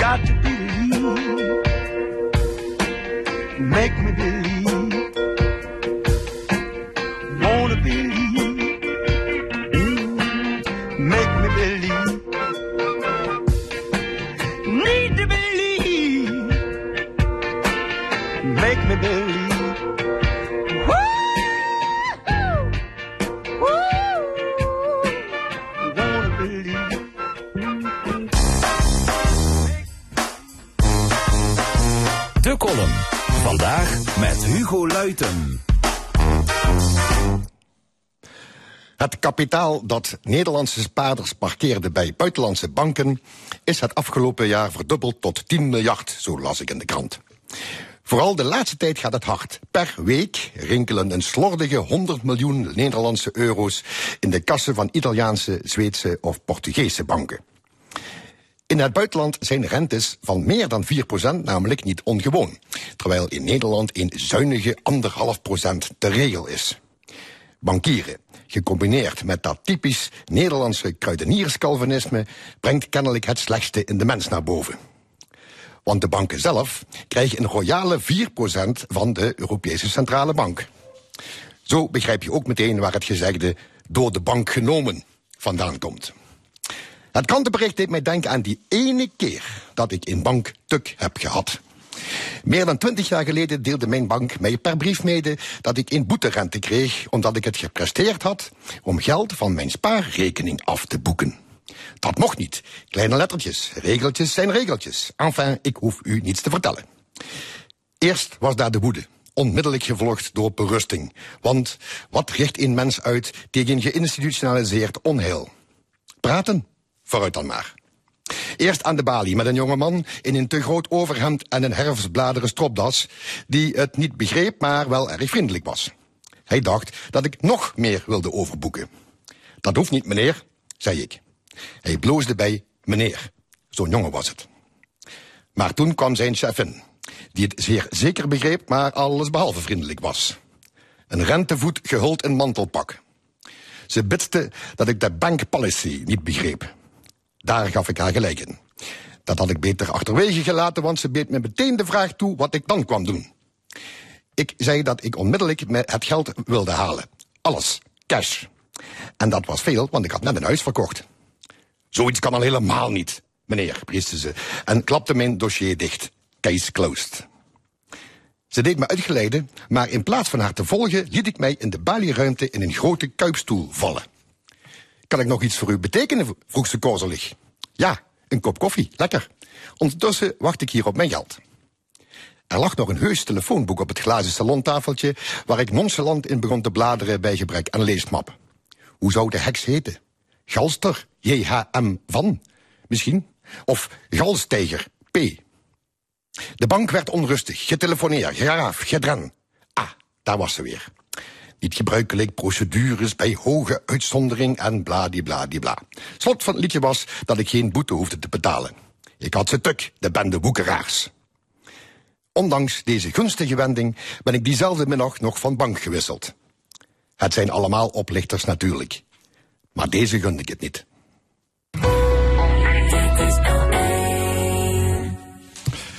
De column was dat van Hugo Luiten. En hier aan tafel heeft plaatsgenomen het opiniepanel van deze week. En we bespreken in het laatste uur van de stemming de stand van zaken rond de kabinetsformatie. De vraag of Limburg nog kans heeft om de beroemde Mosasaurus-schedel vanuit Parijs terug te krijgen. De opvangcrisis in Terapel en andere actuele zaken. Bij ons aan tafel journalist Monique Parre van de Limburger, leraar Luc Wienans en historicus Armo Leenaerts. Ja, morgen zal verkenner Ronald Plasterk zijn advies inleveren bij de Tweede Kamer. Hij heeft afgelopen weken tal van gesprekken gevoerd met kopstukken van PVV, NSC en VVD. Monique Parre, waar zal Plasterk morgen op aansturen? Ik denk op uh, formatiegesprekken tussen die drie die jij net noemt. PVV, NSC en VVD. En uiteindelijk zal BBB waarschijnlijk ook nog bijschuiven. afgelopen week is in ieder geval ja, goed, voldoende licht en lucht ontstaan tussen Pieter Omzicht en Geert Wilders. Ehm, ik denk wel dat ze er nog een flinke dobber aan krijgen aan die gesprekken. Want ja goed, grootste struikelblok is natuurlijk ja, bepaalde uh, rechtsstatelijkheden die in het PVV-programma ja, daar gaan we staan. zo meteen eens over doorpraten. Iemand die denkt dat Plasterk iets anders de hoge hoed tovert morgen? Nee, die Of is dit, is dit Nee, over de hand liggend? Ik denk dat eh? dit, eh, ja, meer, meer praten, meer eh, rituele dansen om elkaar heen. Ja, dit is eh, het formeel, het, eh, het rijtje, zo moet je het netjes afpellen. En, eh, die stap wordt morgen ook gezet, dat hoort bij dit proces. Maar ja, ik denk dat iedereen wel aanvoelt dat dit toch uiteindelijk een hele andere kant op zal gaan draaien. Ja, want het grote struikelblok is dat NSC gro- grote moeite heeft, of had, met de PVV. Omdat ze standpunten heeft die in strijd zijn met de grondwet. Dus Wilders moet eigenlijk een deel van zijn verkiezingsprogramma hebben doorgekrast Of zie ik dat verkeerd? Nou, niet een deel. Eh, als je eh, het verhaal van Omzicht natuurlijk begrijpt wat hij op tafel heeft gelegd, ook in een brief waarin hij zegt van je moet afstand nemen van al dit soort eh, beweringen. Ehm, eh, ja, dat is een hele ijskast vol. En dan moet je je voorstellen, afgelopen week zijn dan die gesprekken geweest. Er is nog een plechtig over gedaan. Maar als je dan in de Volkskrant terugleest dat het met name ging over het feit dat Wilders eh omzicht heeft uitgemaakt voor een katholieke politieke geluiperd. En dat hij daar alsjeblieft eens even mee moet ophouden. Wanneer? Wanneer? Ja, dat stond in de Volkskrant, eh, zo beschreven. Ja, dat had Ja, hij op ja. eh, X eh, Via voorheen X, eh, Twitter ja. gedaan. Vroeger of eh, recent? Nee, recent, recent, onlangs. En, Ja, en dat daar dus dan de gesprekken over moeten gaan, over dit soort uitlatingen. Nou kijk, dat tekent alles. En dan kom je eigenlijk op het verschil van, je kunt van mening verschillen, eh, ook in deze, eh, in, in, in dit proces waar je, eh, waar je nu in zit. Maar je hebt natuurlijk ook nog altijd een opvatting. Een opvatting over fatsoen, een opvatting over hoe wij vinden dat rechtsstatelijkheid in elkaar ho- behoort te zitten. En die opvatting, die weegt zeker bij mensen als Omtzigt, denk ik, veel zwaarder. En ook bij de VVD Is trouwens. in die context eh, Geert Wilders geschikt als minister-president? Ik denk het niet. Ik denk dat het uiteindelijk, dat, ja, ook als je naar hem kijkt als persoon, hoe hij de afgelopen twintig jaar heeft geopereerd, ik denk, denk dat het eigenlijk uitgesloten is dat er een kabinet Wilders komt. Dat zit in hem, de, hoe hij zich manifesteert. Uh, uh, je, je, zult moeten samenwerken, je zult verbindend uh, je moeten opstellen. Nou, dat zie ik hem niet doen. Het zit, in, het zit in, zijn, in zijn programma, wat je, nou, daar, daar, gaan we het ook over hebben geloof ik, hè, de rechtsstatelijkheid ervan. Een groot deel daarvan kan gewoon niet. Gaat ook, ook gewoon in tegen Nederlandse tradities. En ten derde zijn partij, die geen partij is. Zeg maar nou, een handvol mensen die, waar hij uh, mee spreekt. Dan hoe ga je daar in godsnaam ooit een kabinet uh, mee samenstellen? Ja. Dus ik, ik, ik, denk dat dit, ja, heel veel praten. Maar de uitkomst zal zijn dat er geen kabinet Wilders komt. Is, of is de wens de vader van de gedachte? Ja, bij mij, dat speelt bij mij ook een rol, ja. Nou, ik denk dat wat allemaal, uh, allemaal uh, naar voren brengt, dat dat uh, klopt. En ik denk daar ook wel zo over. Alleen moeten we ons er wel rekenschap van af blijven leggen, denk ik. Dat een hele grote groep mensen natuurlijk wel een stem heeft laten horen. Die toch iets anders voorstaat dan wat wij misschien hier aan tafel wenselijk vinden voor de, de BV Nederland. Ik denk dat het slechtste wat ons nu kan gebeuren op dit moment is als we niet heel goed uitleggen waarom het niet zou kunnen. En als uh, mensen nog meer het idee krijgen dat er nu niet naar hun geluisterd wordt, want de opkomst was natuurlijk al weer bedroevend, zeker in Zuid-Limburg. Dus ik denk, we moeten wel ervoor zorgen dat we mensen betrokken houden bij de politiek. Ja, maar en, het is toch goed uit te leggen?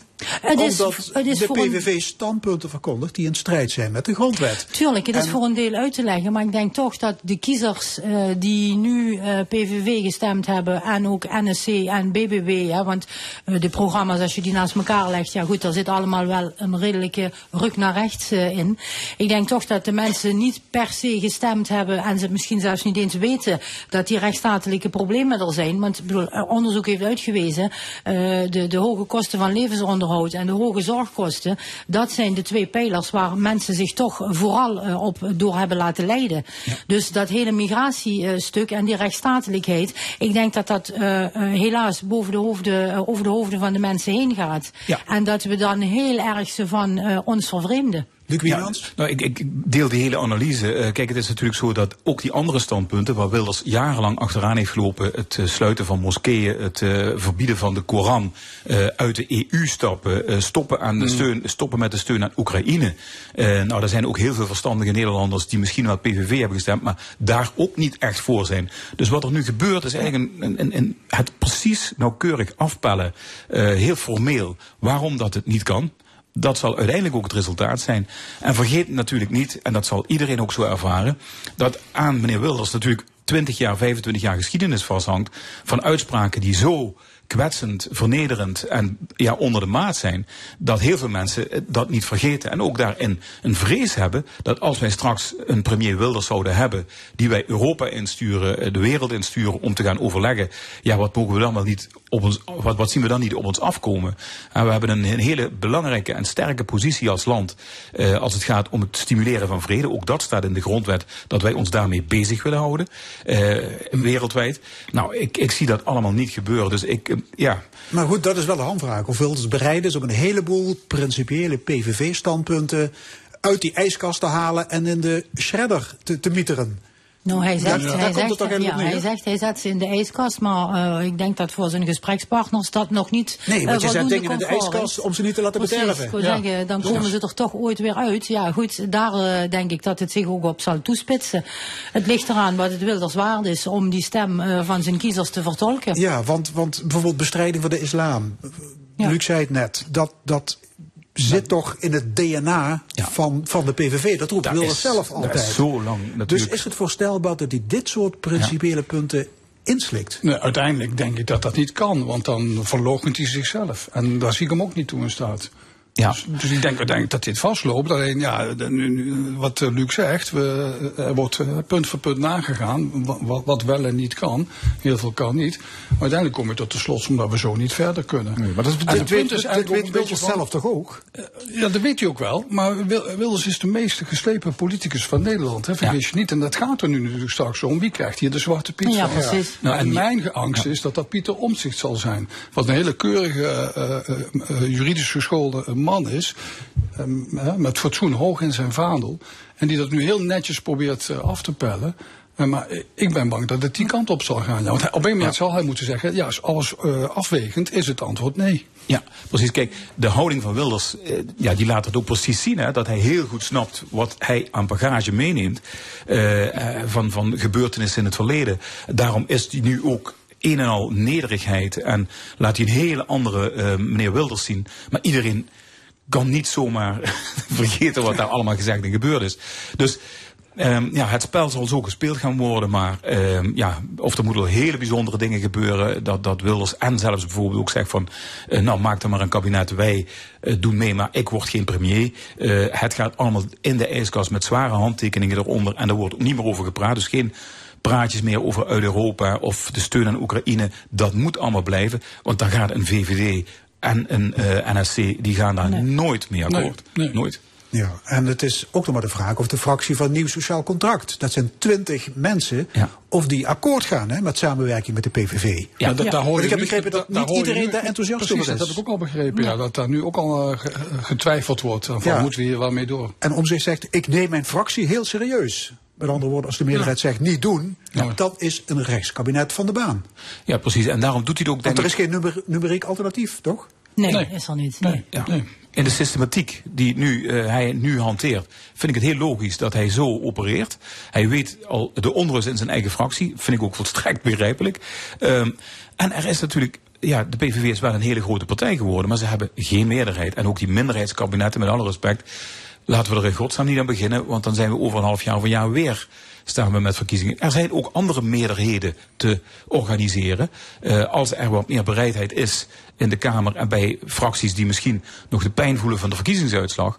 Maar eh, er is wel degelijk, er zijn meerdere opties mogelijk. Ja, meerderheid Van- is meerderheid. Een meerderheid is Ja. meerderheid, ja. We hebben er 150 zetels. En 76 is inderdaad een meerderheid. Eh, en daar kun je met een stevig regeerakkoord heel goed mee uit de weg. Oké, we gaan naar iets anders. Het eh, Natuurhistorisch Museum in Maastricht wil de schedel van de Mosasaurus terughalen. Eh, dat gaat om een eh Mosasauruskop die in de 18e eeuw door de Fransen is geroofd. En het museum heeft nu de hulp ingeroepen van het demissionaire kabinet om op nationaal niveau overleg aan te gaan met Frankrijk om die schedel terug te krijgen. Wat vinden jullie van die zet van het, van het museum hier in Maastricht? Monique, ik, ik, snap, zie jou... ik snap het wel, ja. Ja? Ik denk dat het een aanwinst voor Maastricht natuurlijk eh, zou zijn. Je kunt eh, daar eh, ja, eh, natuurhistorisch, toeristisch, noem maar allemaal op. Je kunt dat heel mooi uitventen. ik vraag me alleen af inderdaad of het haalbaar is. Want ik heb begrepen, die schedel is in 1794, staat op mijn briefje, is die al naar Frankrijk verhuisd. Geroofd. Ja, goed, geroofd. Daar lopen de meningen ook nogal over uiteen, Oh, mij kennelijk. niet zo. Maar... Nou ja, goed, het stond ergens op een briefje. Wie Ja. dat op het briefje geschreven heeft dat hij mee moest, ja, was ook niet helemaal helder. Maar ja, ik denk dat er een hele hoop eh, di- diplomatiek eh, nodig is. Maar ja, Ja. ik zou het Maastricht wel gunnen om hem hierheen te krijgen. Ja, Maar is het slim dat het museum nu eh, die claim zo op deze manier neerlegt? Ja, natuurlijk. Ja. Oh, mooi, ja. Historisch, ik, hè? ja, ja, ik vind het heel mooi. Zo, het, het hoort ook zo. Tegenwoordig noemen we dat roofkunst. Hè? De Europese musea liggen er vol mee. Ja. En dat is geen kunst dit, hè, natuurlijk.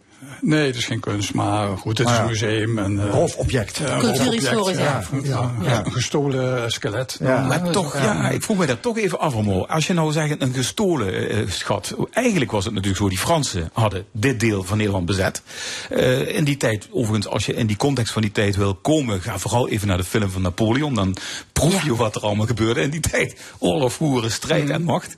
Eh, maar dan die Fransen die zijn hier en die denken eigenlijk van wij gaan hier nooit meer weg. Dit wordt ook gewoon het Frankrijk. En vinden dan een hele bijzondere schat. Twintig jaar nadat die hier door onze Maastrichtenaren gevonden is, vinden zij die schat ook en denken van, wauw, dit is bijzonder. Hier Maastricht is een relatief klein stadje nog maar. Eh, en men denkt, we sturen het naar Parijs. Daar zit een universiteit, daar zitten wetenschappers, daar zit meneer Cuvier. Die vervolgens ook echt wetenschappelijk onderzoek doet en laat zien hoe belangrijk dit is. En dan komt hij, en daarom vind ik hem zo interessant ook, dat ehm, er een discussie ontstaat tussen mensen die de evolutietheorie aanhangen. Terwijl natuurlijk op dat moment nog de Bijbel en de kerk het allerbelangrijkste goed was in deze regio. Ja, het geeft wel aan hoe belangrijk het object is. Maar Ja, dat is, zeker, zeker. met alle respect ook een beetje, me- een beetje koloniale manier van denken. Hè? Van, eh, wij in Parijs hebben dat in de gaten. Wij zien, wij zien het belang daarvan. Dus wij hebben het volste recht om dat mee te nemen. En laat onze wetenschappers daar maar eens goed naar kijken. Ja. Want daar in dat verre Maastricht, dat, eh, ja, die snappen er toch niks van. Nou ja, lukt het, niet, lukt het niet, dan kun je nog altijd proberen om een eh, mooie vergaande samenwerking met Parijs Ja. eh, van de grond te trekken. Hè, een half jaar daar, een half jaar hier, Ja. eh, mooie Ja, ja, informatie, uitwisseling. Ja, ik wilde net zeggen, eh, die, is, die was eh, honorair consul Ja. in Frankrijk hier in Limburg. En die zegt, ja, die ophef die nu ontstaat, dat vind ik heel slecht. eh, Ja. Want eh, stille diplomatie, die levert misschien wel iets op, maar dit is een padstelling. Dit maakt de Fransen kopschuw. E- Eigenlijk zegt Zo moet je hij, niet eh, spelen met dit had je via mij moeten doen. Dat zegt Ja, hij eigenlijk. Nou, maar hij En heeft hij, heeft, hij, ervaring. heeft hij wel, precies, daar heeft hij misschien ook wel groot Ja. gelijk in. Ja. En ik, misschien moet je de Fransen ook niet eh, nu publiekelijk zo dwingen om iets, iets terug te geven wat zij als iets van henzelf beschouwen. Ja. Dus Maar- stille diplomatie was misschien beter geweest. Ja, is- maar kan alsnog, hè? Het is ook nog overigens Jan-Willem Bertens, onze Europarlementariër uit Maastricht, die in zijn tijd dat hij volop actief was, zei van, hey, wacht even, in het verdrag van Maastricht staat dat wij dit soort schatten terug behoren te geven. Daar heeft hij toen samen met Maxime Verhagen, die was toen minister van Buitenlandse Zaken, flink werk van gemaakt. Twee jaar eraan getrokken. En in 2009, in het jaar van Darwin, eh, dat wij dat hier vierden in Maastricht, is die al een periode, een half jaar hier Ja. in Maastricht geland. Nou. Nou, dus ik denk dan van god, we hebben dat, die weg al een keer bewandeld. Dit moet mogelijk zijn, al is het misschien voor een eeuwigdurende bruikleen. Bijvoorbeeld maar ja. hij hoort hier wel thuis. Ja, oké, goed. Maar wat Dus- is het argument van de Fransen om, om, om dat skelet niet terug te geven? Ja, De Fransen. Ja, ja. was hij. Honneur. Ja, precies. Ja, ja. Overigens, eh, Hildegard Schneider, dat is- die is hoogleraar internationaal recht aan de universiteit, die zegt, ja, juridisch zijn de mogelijkheden beperkt, je moet het dus politiek spelen. Ja. Ja, dat denk ik ook. En dan Ja. moet je slim spelen. En misschien die Fransen inderdaad niet meteen voor de Niet kop meteen, stoten. nee, niet meteen tegen de haren instrijken, want dat helpt nooit. In 2009 gewoon niemand moeten teruggeven, Luc. Nee, nee, dat hebben ze overigens toen echt, met, ik weet niet hoeveel handtekeningen moeten ondertekenen dat die echt terugkwam. Want Toen waren ze blijkbaar al bang dat dat inderdaad zou gebeuren. Hè? Dat, dat is inderdaad, Dat klopt. Dat hebben ze Oh, klopt, moeten ja. beloven. Ja, ja, dat is echt, eh, dat is echt heel strak gegaan. Maar ehm, kijk, hij ligt daar nu in een, in een soort museum waar allemaal van dat soort skeletten liggen. Dus de echte de, de niche zal ik maar zeggen onder de belangstellenden, gaan daar dan naartoe. Hier zou die veel meer deel uitmaken van een echte regionale historie. Eh, en, en dat is vind ik dan ook wel veel waardevoller als die hier echt Ja, zou landen. zeker. Dat, eh, zo hoort het. Goed, het loopt weer helemaal vast in Ter Apel, het asielaanmeldcentrum in Groningen. Mensen slapen op stoelen, op de grond, in wachtkamers. Het is daar ja, overvol, een, een treurige puinhoop. Ehm Luc Wienans, kun je je voorstellen dat staatssecretaris Van der Burgt hier een punthoofd van krijgt? En ook niet meer weet hoe hij het moet oplossen? Ja, ik- kijk, als iemand er echt fanatiek aan getrokken heeft, is het wel eh, deze staatssecretaris van de Burg, die met een ontzettende hoeveelheid energie daaraan getrokken heeft. En ik vind het echt, ik schaam me eigenlijk gewoon als Nederlander dat wij niet in staat zijn om dit te regelen. Sterker nog, ik, ik, ik vind als ik bestuurlijk kijk hoe men risicomijdend gedrag aanhangt. Mhm. eh, en, en nu al helemaal na deze verkiezingsuitslag bang is om nog te bewegen op dit dossier. Dat vind ik zo, teleur- zo teleurstellend. En ik zou bijna ook zeggen, als ik burgemeester van, dat, van die gemeente was, zou ik bijna zeggen. Eh, bevolking van Nederland, bestuurlijk lukt het niet. Maar zijn er Nederlanders? Steek je vinger op. Waar kunnen wij hulp krijgen? En ik kijk dan toch even naar het uh. Kees van Rooij was afgelopen week, de burgemeester daar, was er van de week op televisie. Met de manier hoe hij dat kleinschalig, ontzettend goed, breed gedragen heeft aangepakt. Uh, de mensen mogen nu veel eerder ook beginnen met werken. En dus het integratieproces kan veel eerder beginnen. Nou, fantastisch. Het kan dus wel eigen initiatief nemen. Maar dit uh, zo laten, dat kan niet. Nee, ben ik het, ben ik het helemaal mee eens. Ja. Dat, dat, en dat kleinschalige lijkt me ook de sleutel tot veel meer succes. Want hè, bedoel, vooral de massaliteit daar uh, uh, en de troosteloosheid in Ter Apel. Ja goed, stel je eens voor dat, dat het jezelf betreft. En dat je daar hè, al dan niet met je gezin in zo'n uitzichtloze situatie zit. Ja, daar ga je denk ik gekke dingen van doen. En als je gewoon inderdaad ergens kleinschalig in een opvang terechtkomt. Je mag eerder uh, werken, uh, ja, dan is dat natuurlijk mentaal uh, met name een hele grote opsteker. Want ja, goed, ik denk dat een hele hoop van de problemen in uh, Ter Apel ook uh, uh, ja, terug te voeren zijn naar de, de manier waarop mensen opgevangen worden. Het is gewoon inderdaad, hè, wat Luc zegt, mensonderend. Je zit daar, ja, en dat is eigenlijk alles. Je mag niks, je kunt niks. Ja, en gemeenten krijgen ja. nu de volle laag, omdat ja. lokale bestuurders geen poot uitsteken om opvangplekken te creëren. Ja. Dit riekt naar pure onwil. Ja, onwil, ja. ja. Ja, er werd net gezegd onmacht, maar het is eigenlijk erger. Het is eigenlijk onwil. Het, de, het lijkt wel alsof Nederland deze crisis helemaal niet wil oplossen en dat ook maar een beetje wil laten voortsudderen. Ja, heeft de uitslag van de Kamerverkiezingen er iets mee ja, te maken? Is het draagvlak verminderd? Heeft dat ermee? Ja, ik vrees van wel, ja. Want uh, ik denk dat veel gemeentebesturen, veel gemeenteraden nu ze denken van, oh jee, uh, laten we ons er maar niet... Uh, hiermee bezighouden. Want straks krijgen wij de volle laag bij de volgende gemeenteraadsverkiezingen. Ja. En, en, en dat is treurig. Ja, dat is heel treurig. En dat staat inderdaad bijvoorbeeld op de voorpagina na de verkiezingsuitslag staat dan dan extreem rechts heeft gewonnen, PVV. Dat heeft niks met extreem rechts te maken. Er is bij heel veel mensen natuurlijk een bepaalde angst ontstaan in de afgelopen jaren. Ook omdat wij dat als overheid niet fatsoenlijk georganiseerd krijgen. Um, als ik terugkijk naar Brunsum, hè, daar was ook heel veel weerstand tegen Waar de jij komst burgemeester van, was? Ja, daar, ja, was ik burgemeester. En daar was heel veel weerstand ook tegen de komst van vluchtelingen. Ja. En nou, uh, op allerlei manieren heeft dat een draai gekregen. En uiteindelijk hadden we meer vrijwilligers uh, dan vluchtelingen. En dat liep hartstikke goed. Er is een angst, maar je hebt wel uh, ook een overheid nodig die mensen meehelpt en ook dat proces uh, stimuleert om te kijken van hoe kun je als bevolking samen iets betekenen in die opvang. En ja, dat is be bewezen. En Meijerijstad is een heel recent voorbeeld waar dat ook duidelijk wordt. Dus het kan wel. Zou ja, onze gouverneur Emiel Roemer in actie moeten komen? Absoluut. Zou hij niet gewoon absoluut. alle Limburgse burgemeesters bij elkaar moeten roepen Ja. en dat is met de vuist op Dat de heeft tafel hij gedaan. slaan? Heeft hij gedaan. Er is een, Heeft gedaan. er is een regietafel eh, op nationale schaal, ook op provinciale schaal. Maar als je alleen maar blijft Daar praten. hoor, je, daar hoor je niks van. Dan, nee, precies, dan hoor je er niks van. En we hebben ook best een lange tijd hier een gedeputeerde gehad, een, inter, een inval gedeputeerde zal ik maar zeggen, die, er, die het wel in de portefeuille had, maar ook eigenlijk niets aan gedaan heeft. En dan verslonst dat. En, uh, en zo denk ik inderdaad dat wij. Uh, ja, veel meer moeten kijken van, zijn er in de bevolking mensen uh, bereid om de schouders eronder te zetten, initiatieven van onderop, Ja. en laat zien dat het kan. Ik geloof dat, dat dat de weg is om het op te lossen. Ja, Maar ja, maar het zit ook echt in onze, in onze uh, politiek. Ik zie toch heel veel politici die uh, gewoon bewust uh, een, een, klimaat van angst creëren rond dit onderwerp. Hè. Dat is al een tijdje aan de gang. We hebben een kab kabinetscrisis gehad op basis. Uh, Over dit- over dit thema? Ja, over dit onderwerp. Wat helemaal geen kabinetscrisis had mogen zijn. Want waar ging het helemaal om? Over gezinshereniging van vluchtelingen. Een miniem, uh, minieme groep. En dat, daar zit een idee achter, namelijk dat het electoraal interessant is. En dat, dat is ik het meest pijnlijke hiervan. Dus we, we, er is een hele grote groep politici, maar ook kiezers, die denken met een, dat we een zondebok aan te aanwijzen. Dat, uh, dat lost onze problemen op of zo. En, en als we die mensen nou maar uh, wegstoppen en dat we vaststellen op een, een maximum aantal uh, instromers, dan, dan, dan, dan is het weg of zo. Ja, de spreidingswet zou natuurlijk soelaas kunnen bieden. Ja. Die ligt bij de Eerste Ja. Kamer, maar behandeling gaat waarschijnlijk niet lukken voor 31 december. Daar heb je er al. En waarom niet? Omdat er 70 pagina's aan vragen is ingediend. Ja. Ja. Is dit een poging om behandeling van de spreidingswet te vertragen? in de hoop dat van uitstel afstel komt? Ja, natuurlijk.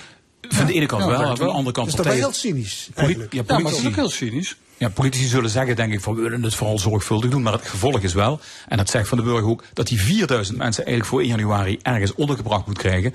En dan hebben we te maken met een crisis.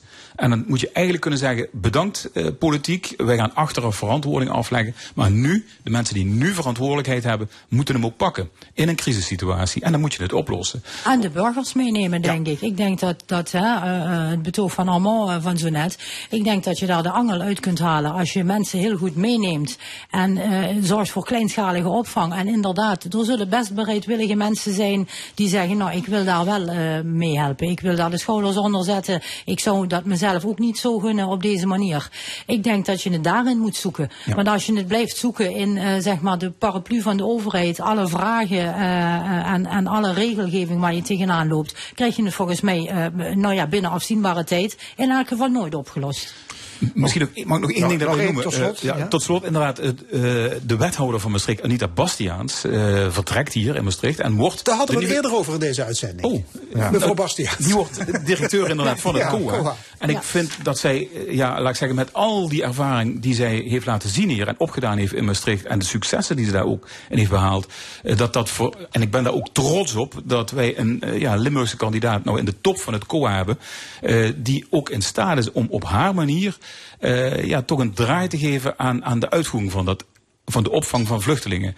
Dus ik, eh, ja, ik ben daar echt trots op en ik wens er ook heel veel succes daarin. Ja, oké. De Late Night Talkshow op 1 moet ermee stoppen. De NPO wil het praatprogramma Gadit en Sophie naar de late avond verhuizen. En Evelien Nick neemt dan de plaats weer van Gadit en Sophie in. Nou ja, op 1 verdwijnt. Eh, Gaan jullie dat programma missen? Nee, ik helemaal niet. Ik denk dat eh, het, de, de val, zal ik maar zeggen, van op één eh, vrij onvermijdelijk eh, is geweest. Want waar we het net hadden over dat je de paraplu van de overheid misschien moet loslaten, wat, wat opvang van vluchtelingen betreft, denk ik dat wat hier juist miste was een paraplu. Want het waren drie, vier hele uiteenlopende omroepen die eraan meewerkten. Eh, BNN Vara was er al uitgestapt eh, wegens onmin. Dus nou ja, je presenteert onder één labeltje eh, elke dag aan eh, de kijker eh, eh, toch een, een, een andere eh, inhoud. En ik denk dat mensen eh, daarvan in de war raken. Je kunt ook natuurlijk dat, te veel diversiteit ja, je hebben. kan zeggen, pluriformiteit gewaarborgd. Ja, maar goed, het, het kan ook te veel zijn. Hè? Want Ja, het gaat. ja, maar als je van links naar rechts eh, gaat, letterlijk en figuurlijk, ja, dan denk ik dat de kijker ook niet meer helemaal het eh, in het vizier heeft. Of eh, twe- twe- 22 presentatoren, Ja, geloof ik, Ja. las ik ergens. Ja, Waaronder, ook mensen, 24. waaronder mensen die dat voor het eerst deden. En eh, ook wel leuk leek om eens een keer voor op televisie te zijn en zo. Dus bij mij heeft het ook nooit echt een duidelijk profiel gekregen. Nee. Geen duidelijk En, profiel? eh, Nee, maar ook, ook, ook geen duidelijke programmering. eh, het, het ging, het ging een beetje alle kanten op. Ja, En, Ja, nou, ik, ik vind het heel belangrijk dat de kwaliteit van de journalistiek, de kranten, de televisie, dat dat echt op een, heel hoog niveau moet zijn. Om vooral ook daar in de context te laten zien van hoe de wereld echt in elkaar zit. En dan kijk ik toch ook even naar de jonge generatie, die heel erg bezig is met cherrypicking als het om nieuws gaat.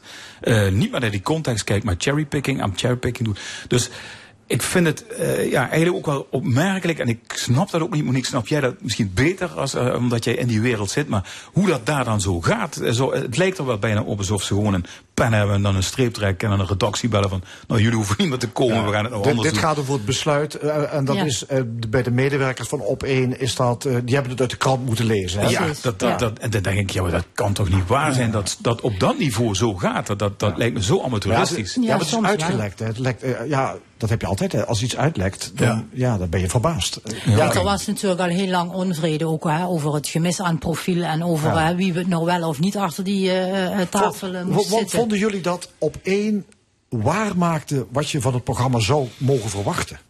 Nee, los voor- van het feit dat er meerdere presentatoren waren. Of Nee, voor mij, ging het, voor mij ging het te veel eh, info, de kant van de infotainment op en eh, niet, niet echt de duiding. Ik denk toch zeker op dat tijdstip op de avond, dan kun je potentieel een hele grote groep mensen bereiken. Die mensen kun je beter bedienen dan dat nu het geval was. Dus het ging om de kwantiteit en niet Ja, om de kwaliteit. nee. Paul de Leeuw was een van de presentatoren, ooit. Ja, maar goed, heeft natuurlijk Ja. met journalistiek niks te maken. Dat is infotainment. bedoel, Dat is precies. er zijn steeds meer BN'ers, daar hebben we het al eens over eh, gehad, die Ja. ingeschoven worden als eh, deskundigen. Ja, goed, die mensen eh, zijn denk ik net zo deskundig als wij allemaal. Maar om ze dan daar op dat, op primetime, achter zo'n tafel te zetten, ja, dan moet je toch tegenwicht bieden, Ja, denk ik. dan, dan was het verwijt aan de publieke omroep altijd, het was te links. Nu zitten er een aantal omroepen meer aan de rechterkant die op één maakten. BNN-Vara gaat nu naar dat tijdstip, dus dan wordt het weer een linkse NPO. Ja, maar ik denk, eh, dat, dat Ja. vind, ik- vind dat toch een beetje een rare, eh, ja, rare tegenstelling. En, eh, ik zou kijken naar de, ervaren, de ervarenheid van, van journalisten. En, ja, want dat, en dat valt mij op. Bijvoorbeeld he- hele goede mensen in het verleden als Clary Polak, die werden zonder pardon aan de kant gezet. Eh, iemand als Ferry Mingelen, daarvan was bekend dat hij nog best door had willen gaan. Niemand kende politiek Haag beter dan hij.